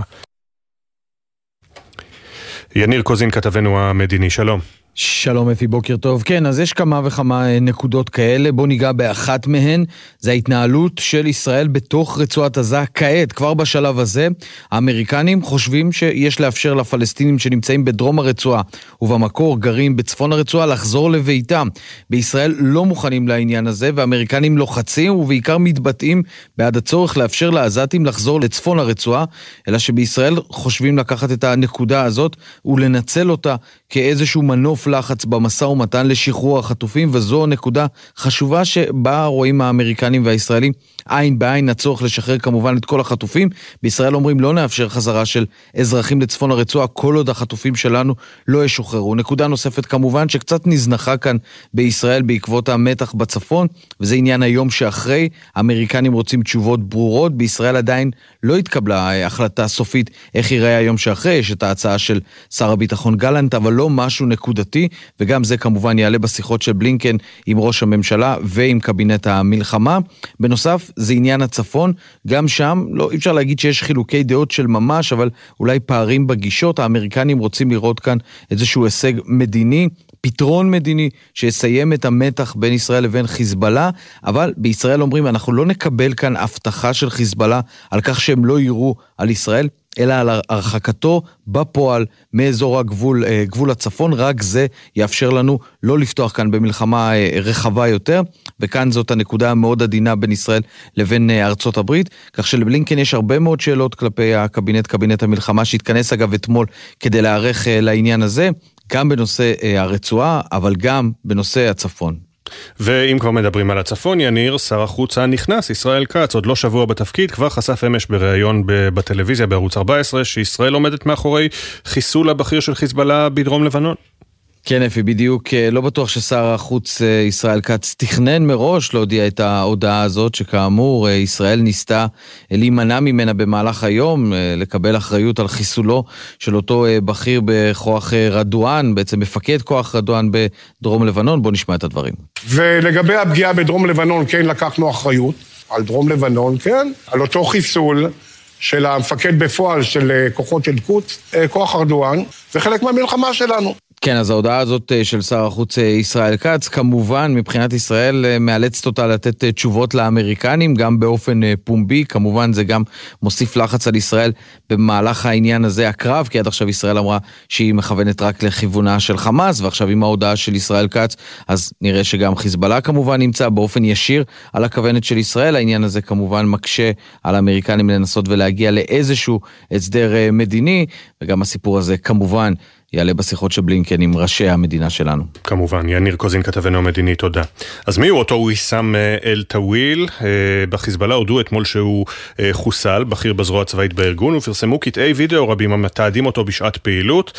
על אף הצהרת שר החוץ ישראל כץ, שטען לאחריות של ישראל, התקיפה במערכת הביטחון ממשיכים לשמור על שתיקה, אבל ככל שחולף הזמן מתבררים עוד פרטים על אל-טוויל ועל העמדה הבכירה שתפס בחיזבאללה. פרשננו לעניינים ערביים ג'קי חוגי, שלום. שלום אפי. בוקר טוב. בעצם בהריגתו צה"ל משלים שבועיים עם שלוש התנקשויות בחיי בכירים בדרג הגבוה ביותר במחנה ההתנגדות. תחילה ג'זיה מוסבי, שליח משמרות המהפכה בסוריה.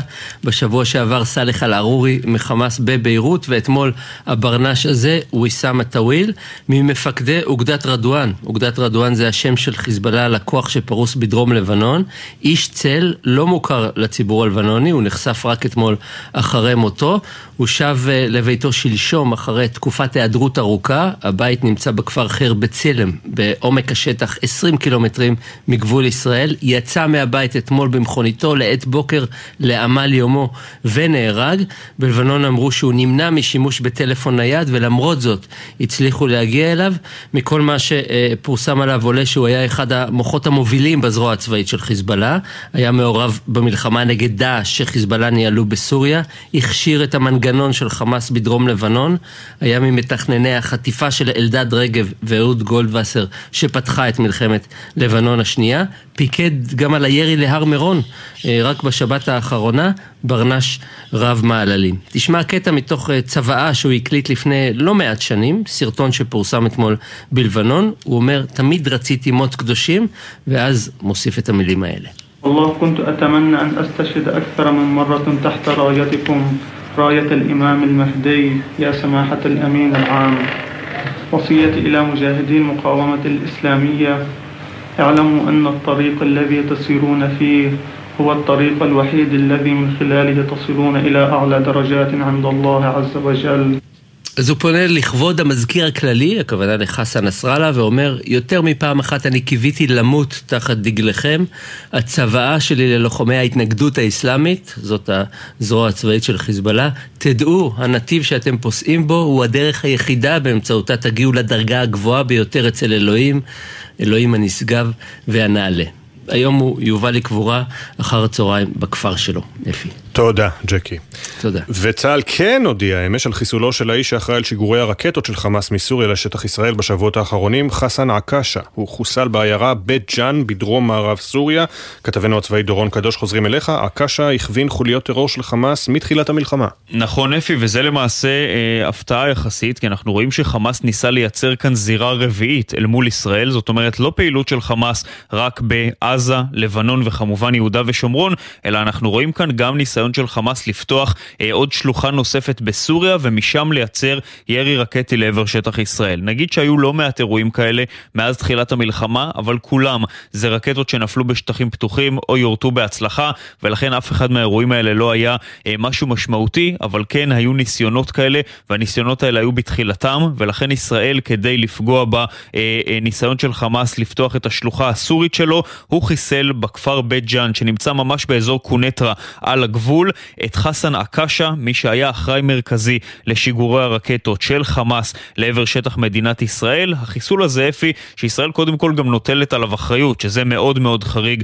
ביחס לחיסולים אחרים שאנחנו רואים בסוריה, זה חיסול שנועד להעביר מסר לא רק לחמאס עצמו, אלא בעיקר למשטר אסד, למשטר הסורי, להגיד להם, ישראל לא תאפשר ירי רקטי משטחכם, לא על ידי חמאס ולא על ידי המיליציות האיראניות או חיזבאללה שפועלים מאותו השטח, ולכן גם הפעם ישראל נוטלת את האחריות על האירוע הזה כדי להראות שהיא רצינית בכוונות שלה. תודה, דורון. תודה.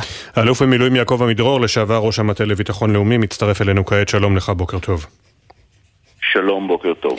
כאשר אנחנו מדברים באמת על החיסול שאנחנו, שצה"ל מעדכן עליו של אותו חסן עקאש, הבכיר חמאס בסוריה, ומנגד גם על חיסול נוסף בדרום לבנון אה, של אה, ויסאם א-טוויל, אה, בכיר בכוח רדואן של חיזבאללה. האם יש פה איתות ישראלי לארגוני המודיעין הללו, לארגוני הטרור האלה, סליחה, שאנחנו, אתם פרוסים לפנינו, ואולי אפשר לומר בציניות פרוסים לפנינו והמודיעין יותר טוב אולי מאשר בעזה. קודם כל, אה, אם היית שואל את רוב אנשי המודיעין שקצת מכירים את מערך המודיעין שלנו, איפה יש לנו מודיעין יותר טוב, בצפון או בדרום, הם היו אומרים לך שבצפון. כך שבשביל אנשי המודיעין זה לא mm-hmm. חידוש. Mm-hmm. לגבי, לגבי האיתות, זה לא איתות, זה חיסול אנשים שמובילים טרור נגד ישראל. לא הורגים אותם בשביל לאותת, הורגים אותם בשביל שהם ירדו ממצבת כוח האדם שפועלת נגד מדינת ישראל, אבל התוצאה היא סוג של איתות שאומר יש לנו מודיעין טוב עליכם, אבל לא הורגים אותם בגלל האיתות. כן. אה, כמי שהיה ראש המל"ל וכמובן גם אלוף במילואים בצה"ל, איך אתה רואה את הוויכוח הזה על אה, שלב ב', שלב ג', עצימות גבוהה, עצימות נמוכה לגבי הלחימה בעזה? אני חושב שצה"ל פה היה צריך לעשות עבודת הסברה יותר טובה לגבי מה שקורה. כשאנחנו, כשהייתי מפקד המכללות ולימדנו uh, קצינים את תורת הלחימה, כמעט בכל סוגי הקרב יש שלב של כיבוש ושלב של טיהור. והשלב של הטיהור הוא שלב פחות אינטנסיבי, פחות אש, הוא יותר uh, מכוון uh, מודיעין, בעיקר כשאתה נכנס לתוך uh, שטח בנוי שבו יש אין סוף פינות חשוכות שאתה לא יודע עליהן שום דבר בזמן שכבשת. ואתה אוסף לאט לאט מודיעין, הן מהאנשים, טרוריסטים שאנחנו חוקרים, הן מהשלל שתפסת, אנחנו תפסנו המון שלל במפקדות. יש לנו היום תמונה הרבה יותר טובה של התשתית של חמאס, ואפשר לעבור בצפון עזה כבר עכשיו, ובדרום עזה ומרכזה יותר מאוחר, כשיגמר שלב הכיבוש. לשלב שהוא שונה, ב- לא באופן מהותי, באופן מהותי זה אותו דבר, לחפש את האויב, להרוג אותו, לחפש את המפקדות, להרוס אותן, לחפש את מפעלי הייצור של הנשק, דבר מאוד מאוד חשוב שאתמול הייתה הצלחה, פורסמה הצלחה מאוד מאוד גדולה, ולהרוס אותם עד, עד uh, תום. במקרה של עזה זה להגיע למנהרות ולה, ולהרוס לפחות חלק ניכר מהן, אם לא את כולם, כי אני לא בטוח שבמדינת ישראל יש מספיק TNT בשביל להרוס את כולם. Uh, אין לנו מספיק אה, כוח נפץ להרוס את כל הקילומטרים אה, של עזה תחתית. אני לא חושב, ש... אני לא חושב שבמדינת ישראל יש מספיק TNT בשביל להרוס את כל המנהרות. אה, זה 500 קילומטר של מנהרות. אז אנחנו לא יכולים להרוס בעצם את עזה תחתית, זה מה שאתה אומר. אנחנו יכולים להרוס את עזה תחתית, אני אמרתי שאנחנו יכולים להרוס את כל המנהרות. אם יש מנהרה של שלושה קילומטר ואתה הורס בתחילתה קילומטר ובסופה קילומטר, הקילומטר שכלוא באמצע הוא חסר משמעות. לא צריך להגיע לכל מטר במנהרות בשביל להרוס אותם.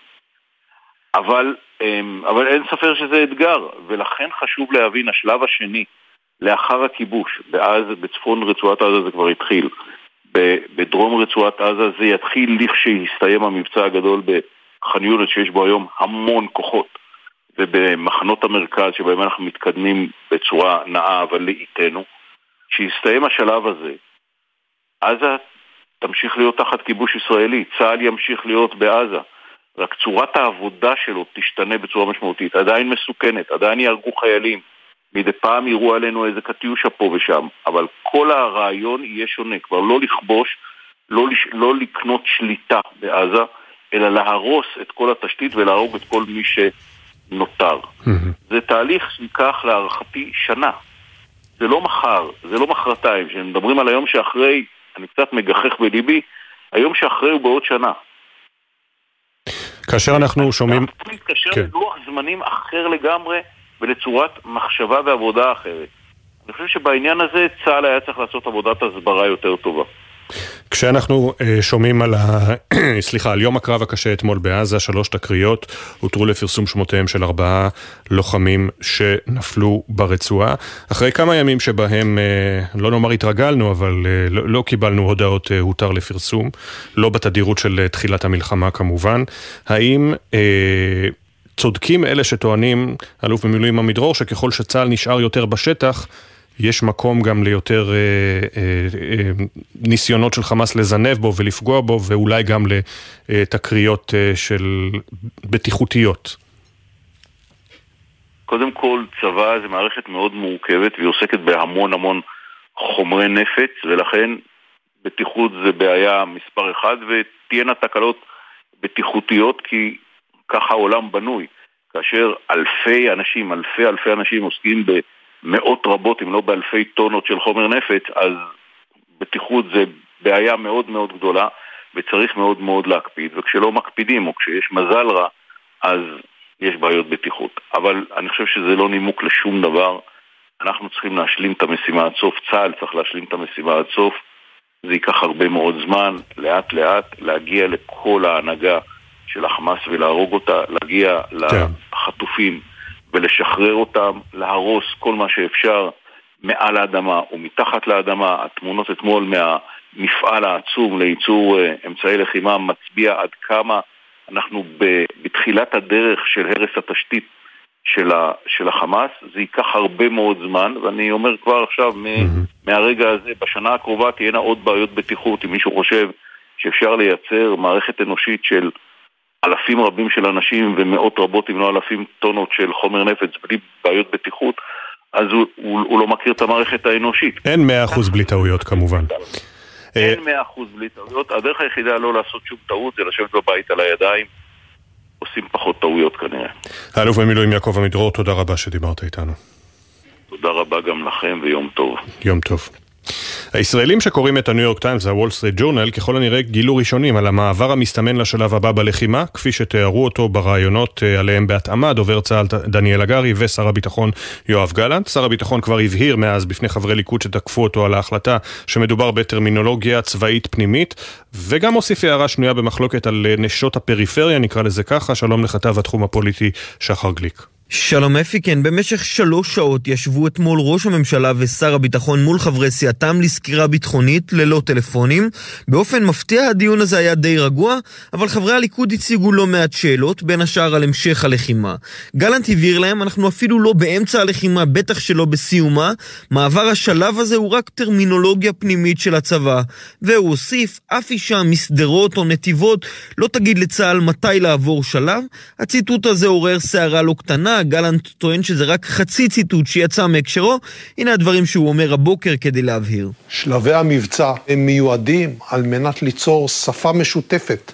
בין הדרגים השונים בצבא לממשלה. צר לי שהדברים שהסברתי לקחו חלק מהאנשים לפרובוקציות. התושבים יקרים לליבי מאוד. כן, ולא רק על שר הביטחון מתחו ביקורת בליכוד, הח"כים תקפו גם את ראש הממשלה על מינויו של אהרון ברק כשופט מטעם ישראל בהאג. נתניהו השיב, זה הדבר הנכון, ברק הוא ניצול שואה, ולמרות הוויכוחים הפנימיים, הוא סייע רבות לישראל במאבקים החיצוניים.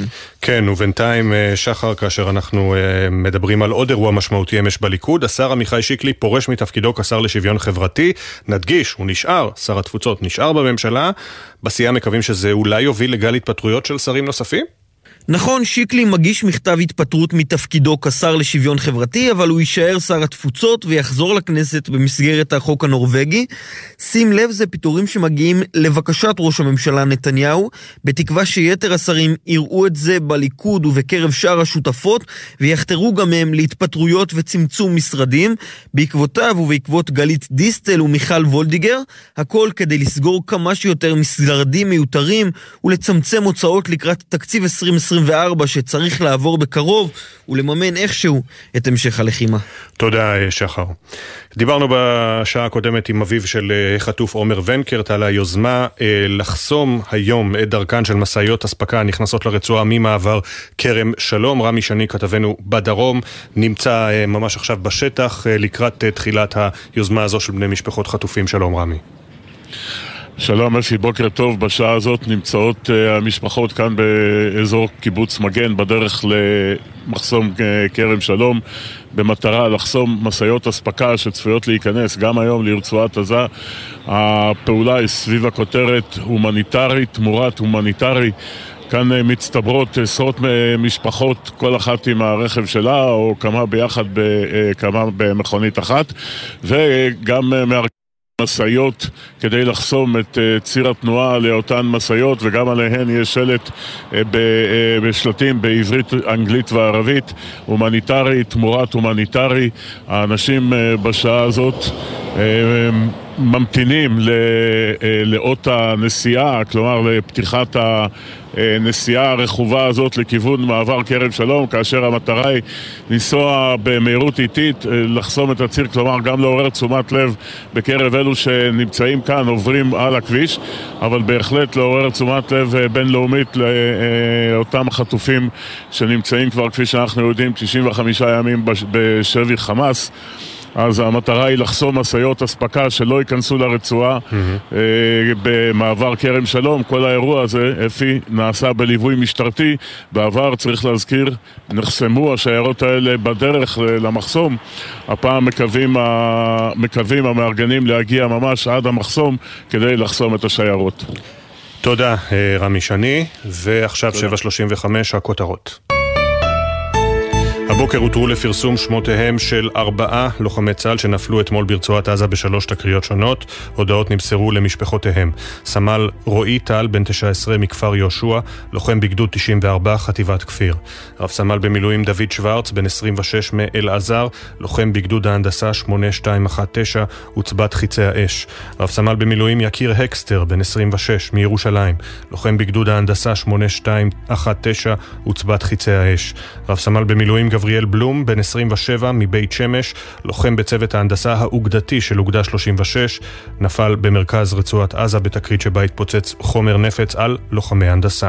שישה קצינים וחיילים נפצעו קשה אתמול בתקריות השונות, אה, והם אה, הועברו לטיפול רפואי, בהם גם אה, לוחם המילואים, השחקן והזמר עידן עמדי.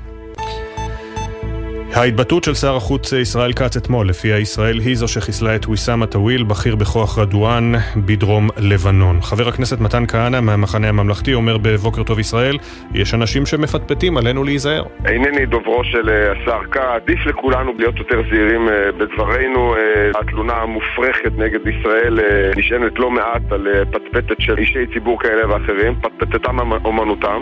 א-טוויל היה מעורב בהריגתם ובחטיפתם של חיילי צה"ל אהוד גולדווסר אלדד רגב ביולי 2006, הוא מוגדר גם אחראי לפיגוע במגידו בחודש מרס שעבר. שר החוץ של ארה"ב אנטוני בלינקן, שהגיע אמש לישראל, אומר כי המלחמה לא צפויה להיפסק בקרוב ותימשך לאורך שנת 2024. לא מתוכננות הפוגות לחימה ברצועה, אמר בלינקן לבכירים ישראלים, כך על פי סוכנות רויטרס, שמוסיפה כי בלינקן הודיע שילחץ על ממשלת ישראל לעשות יותר, כלשונו, כדי להגן על האזרחים בעזה. בלינקן ייוועד היום עם קבינט המלחמה ויערוך פגישות עם ראש הממשלה בנימין נתניהו, נשיא המדינה הרצוג, שר הביטחון גלנט והשר גנץ. עדכוני תנועה מגלגלצ. כביש 6 דרומה עמוס מעירון עד מחלף אייל. בכביש החוף דרומה יש עומס תנועה מינאי עד מחלף פולג. כביש 4 דרומה עמוס לסירוגין מצומת פרדסיה עד רעננה דרום. בכביש ירושלים תל אביב יש עומס תנועה משפירים עד מחלף קיבוץ גלויות. באיילון צפונה יש עומס תנועה ממחלף קוממיות עד השלום. איילון דרומה עמוס ממחלף שבעת הכוכבים עד השלום. מזג האוויר מעונן חלקית עד בהיר עם ירידה קלה בטמפרטורות שעדיין גבוהות מהרגיל לעונה. נצא לכמה הודעות ואחר אחריהן לקראת הדיון בעתירה בבית הדין הבינלאומי בהאג, כתבת חדשות החוץ איה אילון חזרה אל כל הדיונים שקיימו שם בעבר בעניין ישראל. בוקר טוב ישראל, מיד חוזרים. בחסות הפניקס סמארט, המעניקה שלושה חודשים מתנה וגם שלושה חודשים דחייה בתשלום הביטוח המקיף לרכיב. כוכבית 5432, כפוף לתקנון, הפניקס חברה לפיתוח בעם. בחסות ארקיע, המציעה מבצע קחו אוויר. טיסות הלוך ושוב למגוון יעדים ב-199 דולר לאדם. פרטים והזמנות באתר ארקיע, כפוף לתקנון. בחסות אייס, המציע לכם לפתוח את השנה עם מבצעים כמו שידה 4 מגירות שבמבצע ב-377 שקלים. בסניפים ובאתר, עד 11 בינואר. אייס.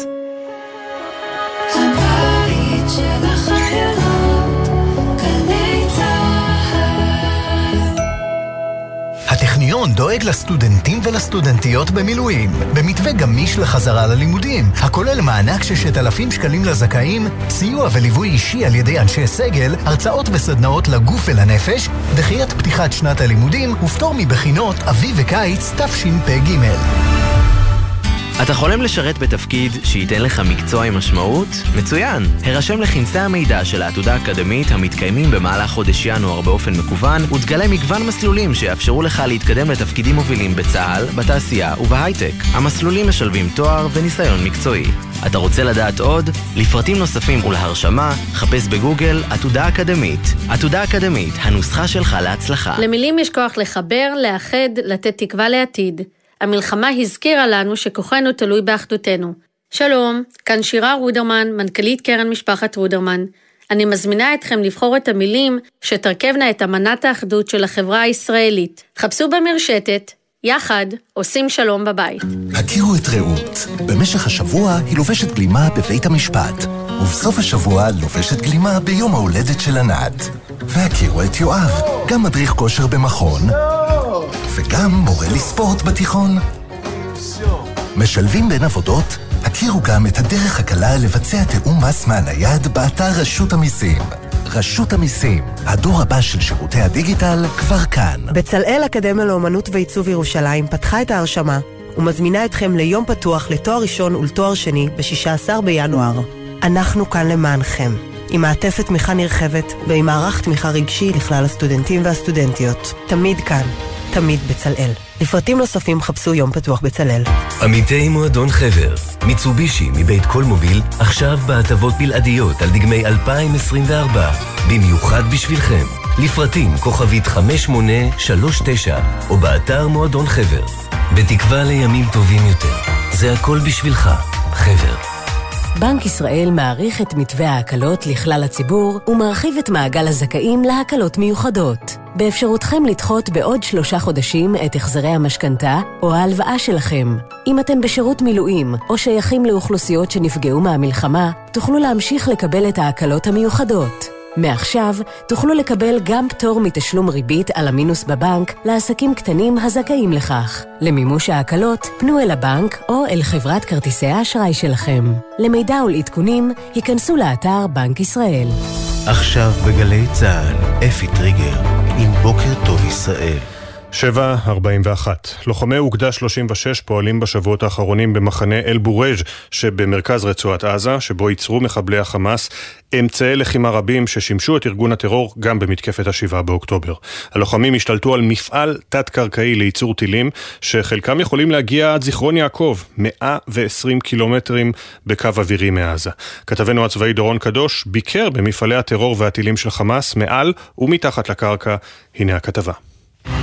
מתחילים את הסיור שלנו בתוך מחנה הפליטים אל-בורג'.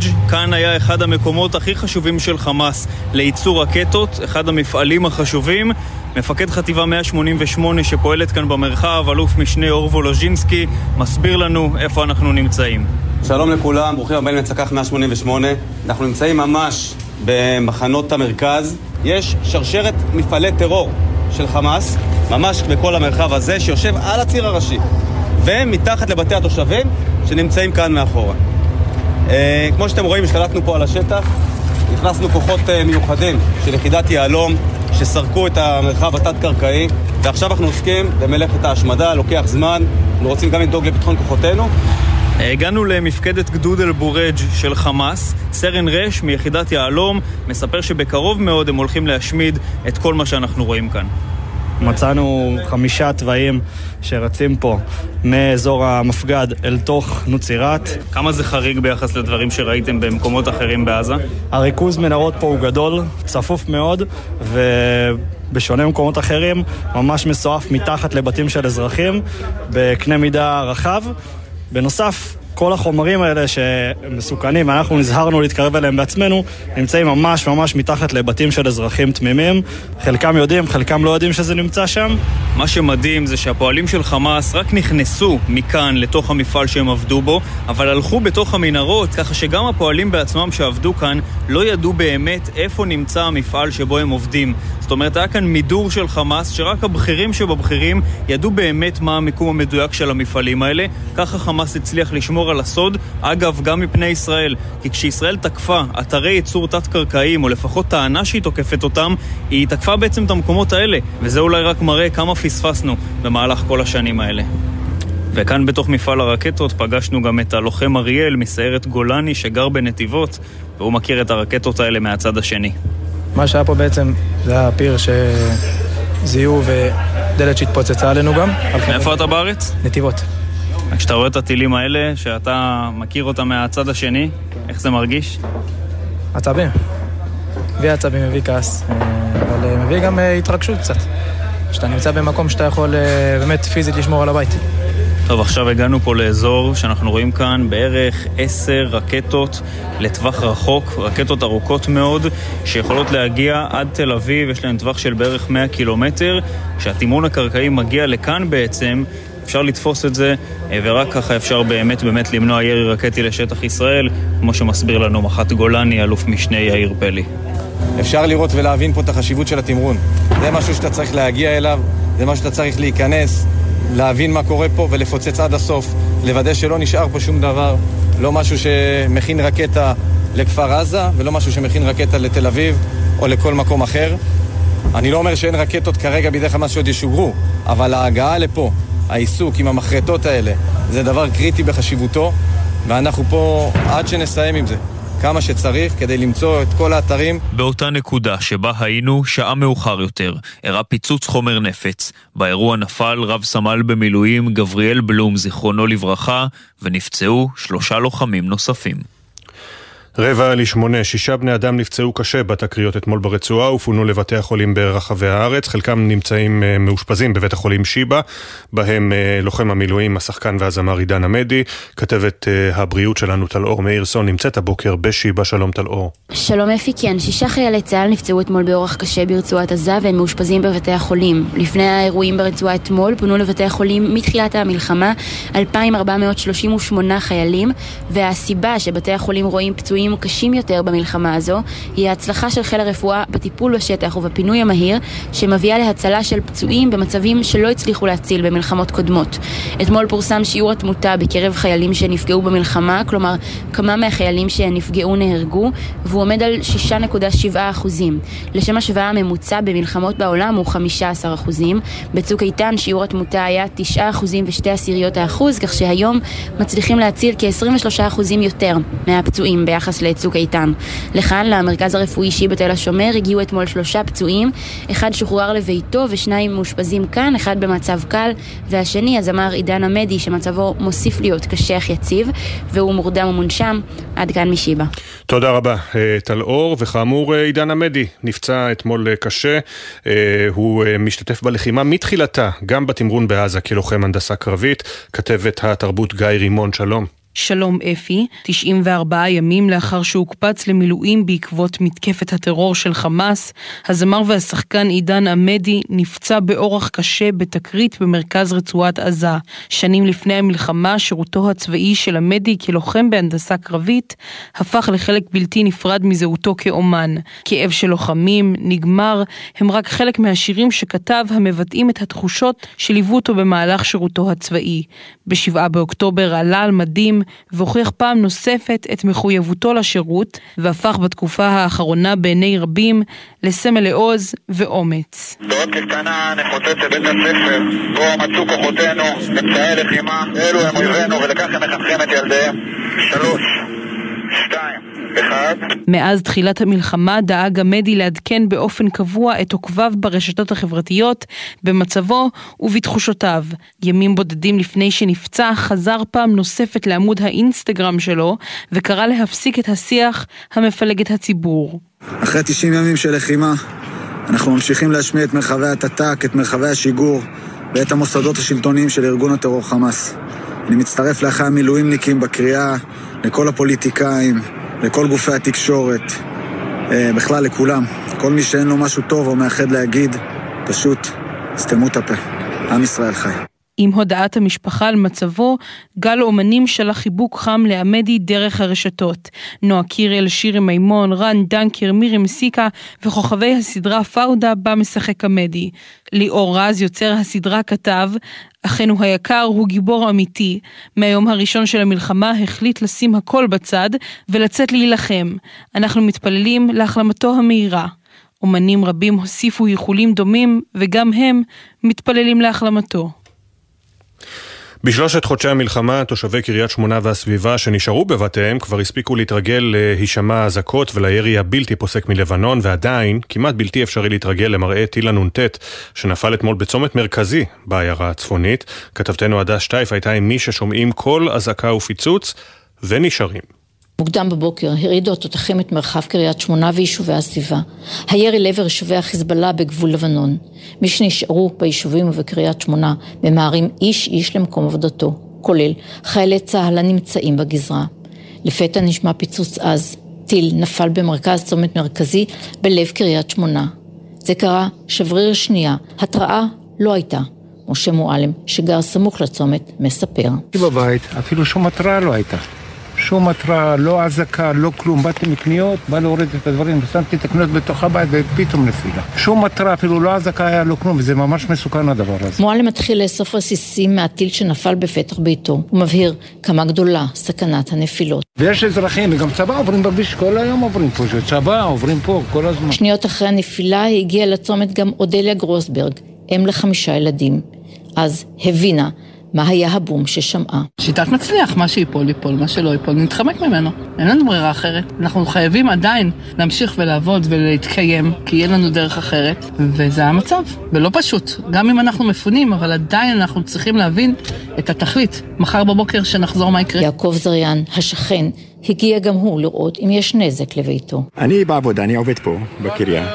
לא מפחד מהחיזבאללה הזה, שיישאר בבונקר שלו. אני עובד, ומדי ערב ישן פה בבית, הנה הבית שלי כאן. אז עכשיו הודיעו לי בטלפון, הבת שלי מהוד השרון, הודיעה לי שאבא, אבא, לך מהר, תראה ליד הבית נפל. באתי לראות. חבלני המשטרה אספו את פרטי הטיל. הצומת נפתח לתנועה, אבל אז הפעם אזעקה. החשד, כלי טיס חדר מגבול לבנון. מטוסים הוקפצו, ירי ארטילרי של כוחותינו ירה, וכלי הטיס הופל מעל קריית שמונה. במדרשת תל חי הריקה ממרצים וסטודנטים, נשמעים הדי ההפצצות בלבנון והירי של צה"ל היטב. פרופסור סלימאן ח'טיב מכפר ע'ג'ר, הוא לא מתרגש, כולם עזבו. המכללה נטושה. הוא ראש המעבדה לחומרי טבע וכימיה, שחוקר פטריות לטיפול במחלות ומניעת מחלות. תחת טילים. הוא מגיע יום-יום למעבדה. לבדו. כי אנחנו צריכים לקדם את המחקר, להמשיך לקדם את המחקר, להמשיך את החיים שלנו. אי אפשר אה, לשבת בבית אה, כל היום ולחכות, וגם חלק מתקציבי המחקר אנחנו מקבלים מהעולם, מהאיחוד האירופאי וארצות הברית. בניגוד לחבריו ושותפיו למחקר, הוא סירב לעבור למעבדות במקום אחר. ציוד נמצא כאן. אז אה, אמרתי, אני אמשיך את המחקר כאן. יש uh, שלושה סטודנטים שלי, מנר, שראית אותה, עלי הוא דוקטורנט, ורון הוא גם דוקטורנט, uh, שהם צריכים גם את המכשור הזה. אז הם באים ביחד איתי ומשתמשים במכשור, וכדי uh, שגם הם יקדמו את המחקר שלהם. ירי טילים, חדירת מטוסים, נפילות, אזעקות, יירוטים. יש מי שנשאר בבית וממשיך בחיי השגרה. מבחינתו, זה הניצחון האמיתי. להמשיך את הדרך ולחיות. 7.52, שרי הממשלה התבקשו ביום חמישי הקרוב לאשר את התקציב החדש לשנת 2024. כבר עכשיו ברור בצל המלחמה שהוא יכלול קיצוצים, גם מיסים חדשים. אבל אחרי דוח מבקר המדינה שפורסם אתמול על כשלים רבים שגרמו להחמרת יוקר המחיה, עולה השאלה עד כמה משרד האוצר מתכנן לטווח הארוך. כתבנו לענייני כלכלה ישראל פישר, שלום. שלום אפי, בוקר טוב. ביום חמישי תתכנס הממשלה לדיון שבו תתבקש לאשר את תקציב המדינה החדש ל-2024, דיון שצפוי להימשך אל תוך הלילה, וכבר עכשיו ברור שצפוי מאבק קשה בין שר האוצר בצלאל סמוטריץ' לבין השרים האחרים, כי אף אחד מהם לא רוצה שיקצצו לו בתקציב. בסך הכל, צפוי התקציב החדש לכלול קיצוצים והעלאות מיסים בסכום של כ-20 מיליארד שקלים, אך גם הם לא יספיקו לכסות את עלויות המלחמה, ואפילו לא יספיקו כדי להרגיע את הגופים הבינלאומיים שחוששים מהגדלת הגירעון.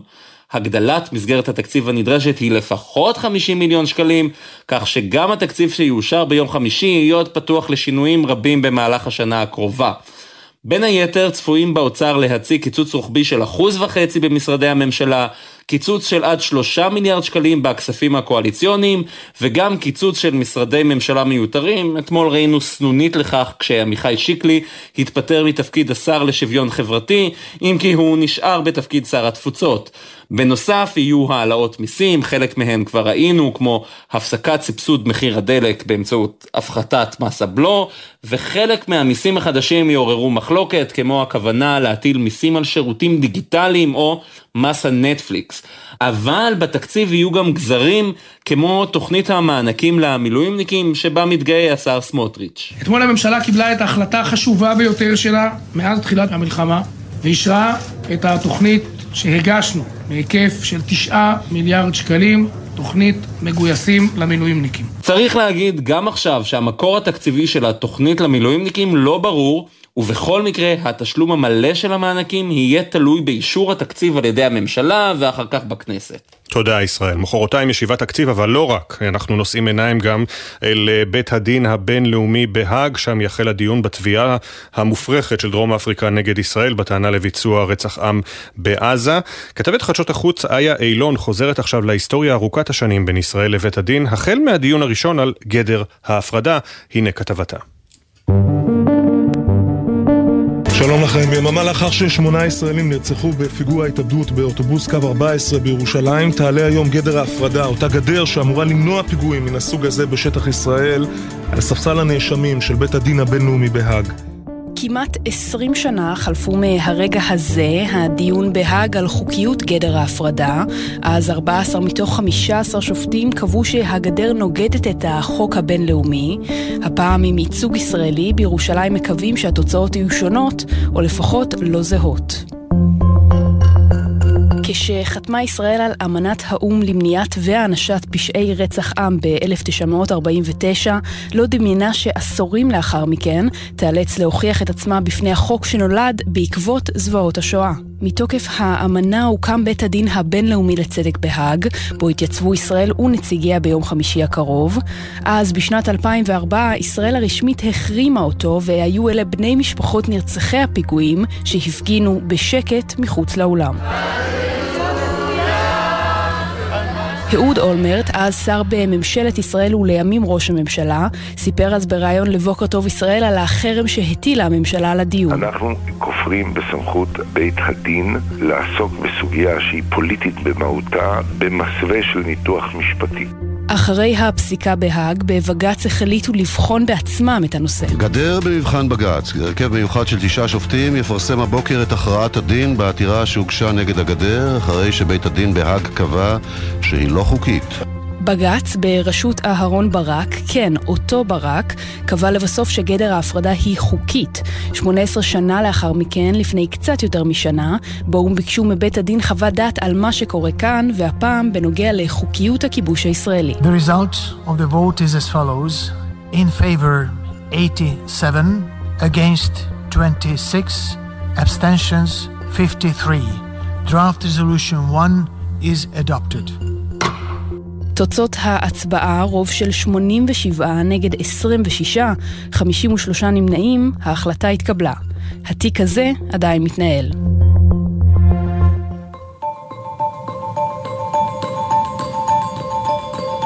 ולא רק ישראל, בית הדין הבינלאומי לצדק עוסק בסוגיות נפיצות בכל העולם. הוא הוקם בשנת 1945 בהאג, הוא מורכב מ-15 שופטים, כל אחד ממדינה אחרת. הדיון הראשון בו התקיים שנה לאחר הקמתו, במסגרתו הגישה בריטניה תביעת פיצויים נגד אלבניה בעקבות תקרית בתעלת קורפו, בה התפוצצו שתי אוניות בריטיות. The is an essential and indispensable element. היישוב השיפוטי של מחלוקות על בסיס חוק וצדק הוא מרכיב חיוני והכרחי, הצהיר התובע הכללי של בריטניה בנוגע לחשיבות הדיון.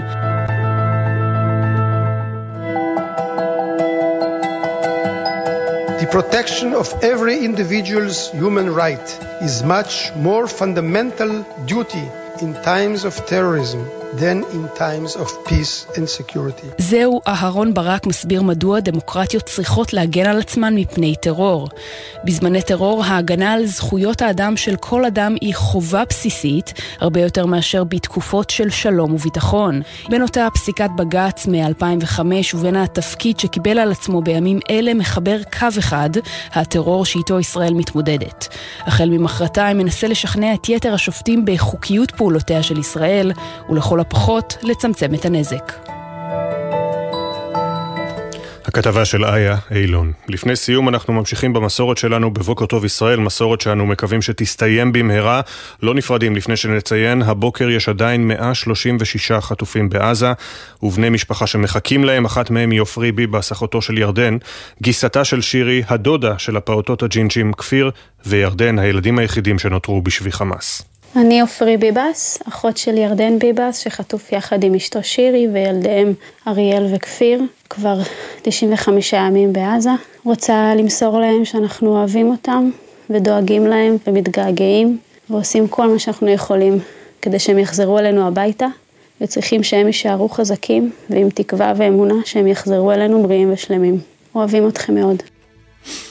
אנחנו מסיימים. העורך הראשי של בוקר טוב ישראל הוא שרון קינן, עורכת המשנה מיה אורן, המפיק גיא אדלר, לצידו אורי שרון, על הביצוע הטכני בן שני, בפיקוח הטכני דני אור, עורך הדיגיטל מתן קסלמן, תודה גם למשה טורקיה. אחרי כותרות שמונה, ספי עובדיה ויניר קוזין, בני משפחות וחברים שרוצים להשתתף במיזם מאחורי השמות, מוזמנים לשלוח לנו סיפור או חוויה, לכתוב את המייל זיכרון, שטרודל glz.co.il. אנחנו ניפגש שוב מחר, יום רביעי, שש בבוקר, עוד יבואו ימים טובים יותר. בוקר טוב ישראל. time.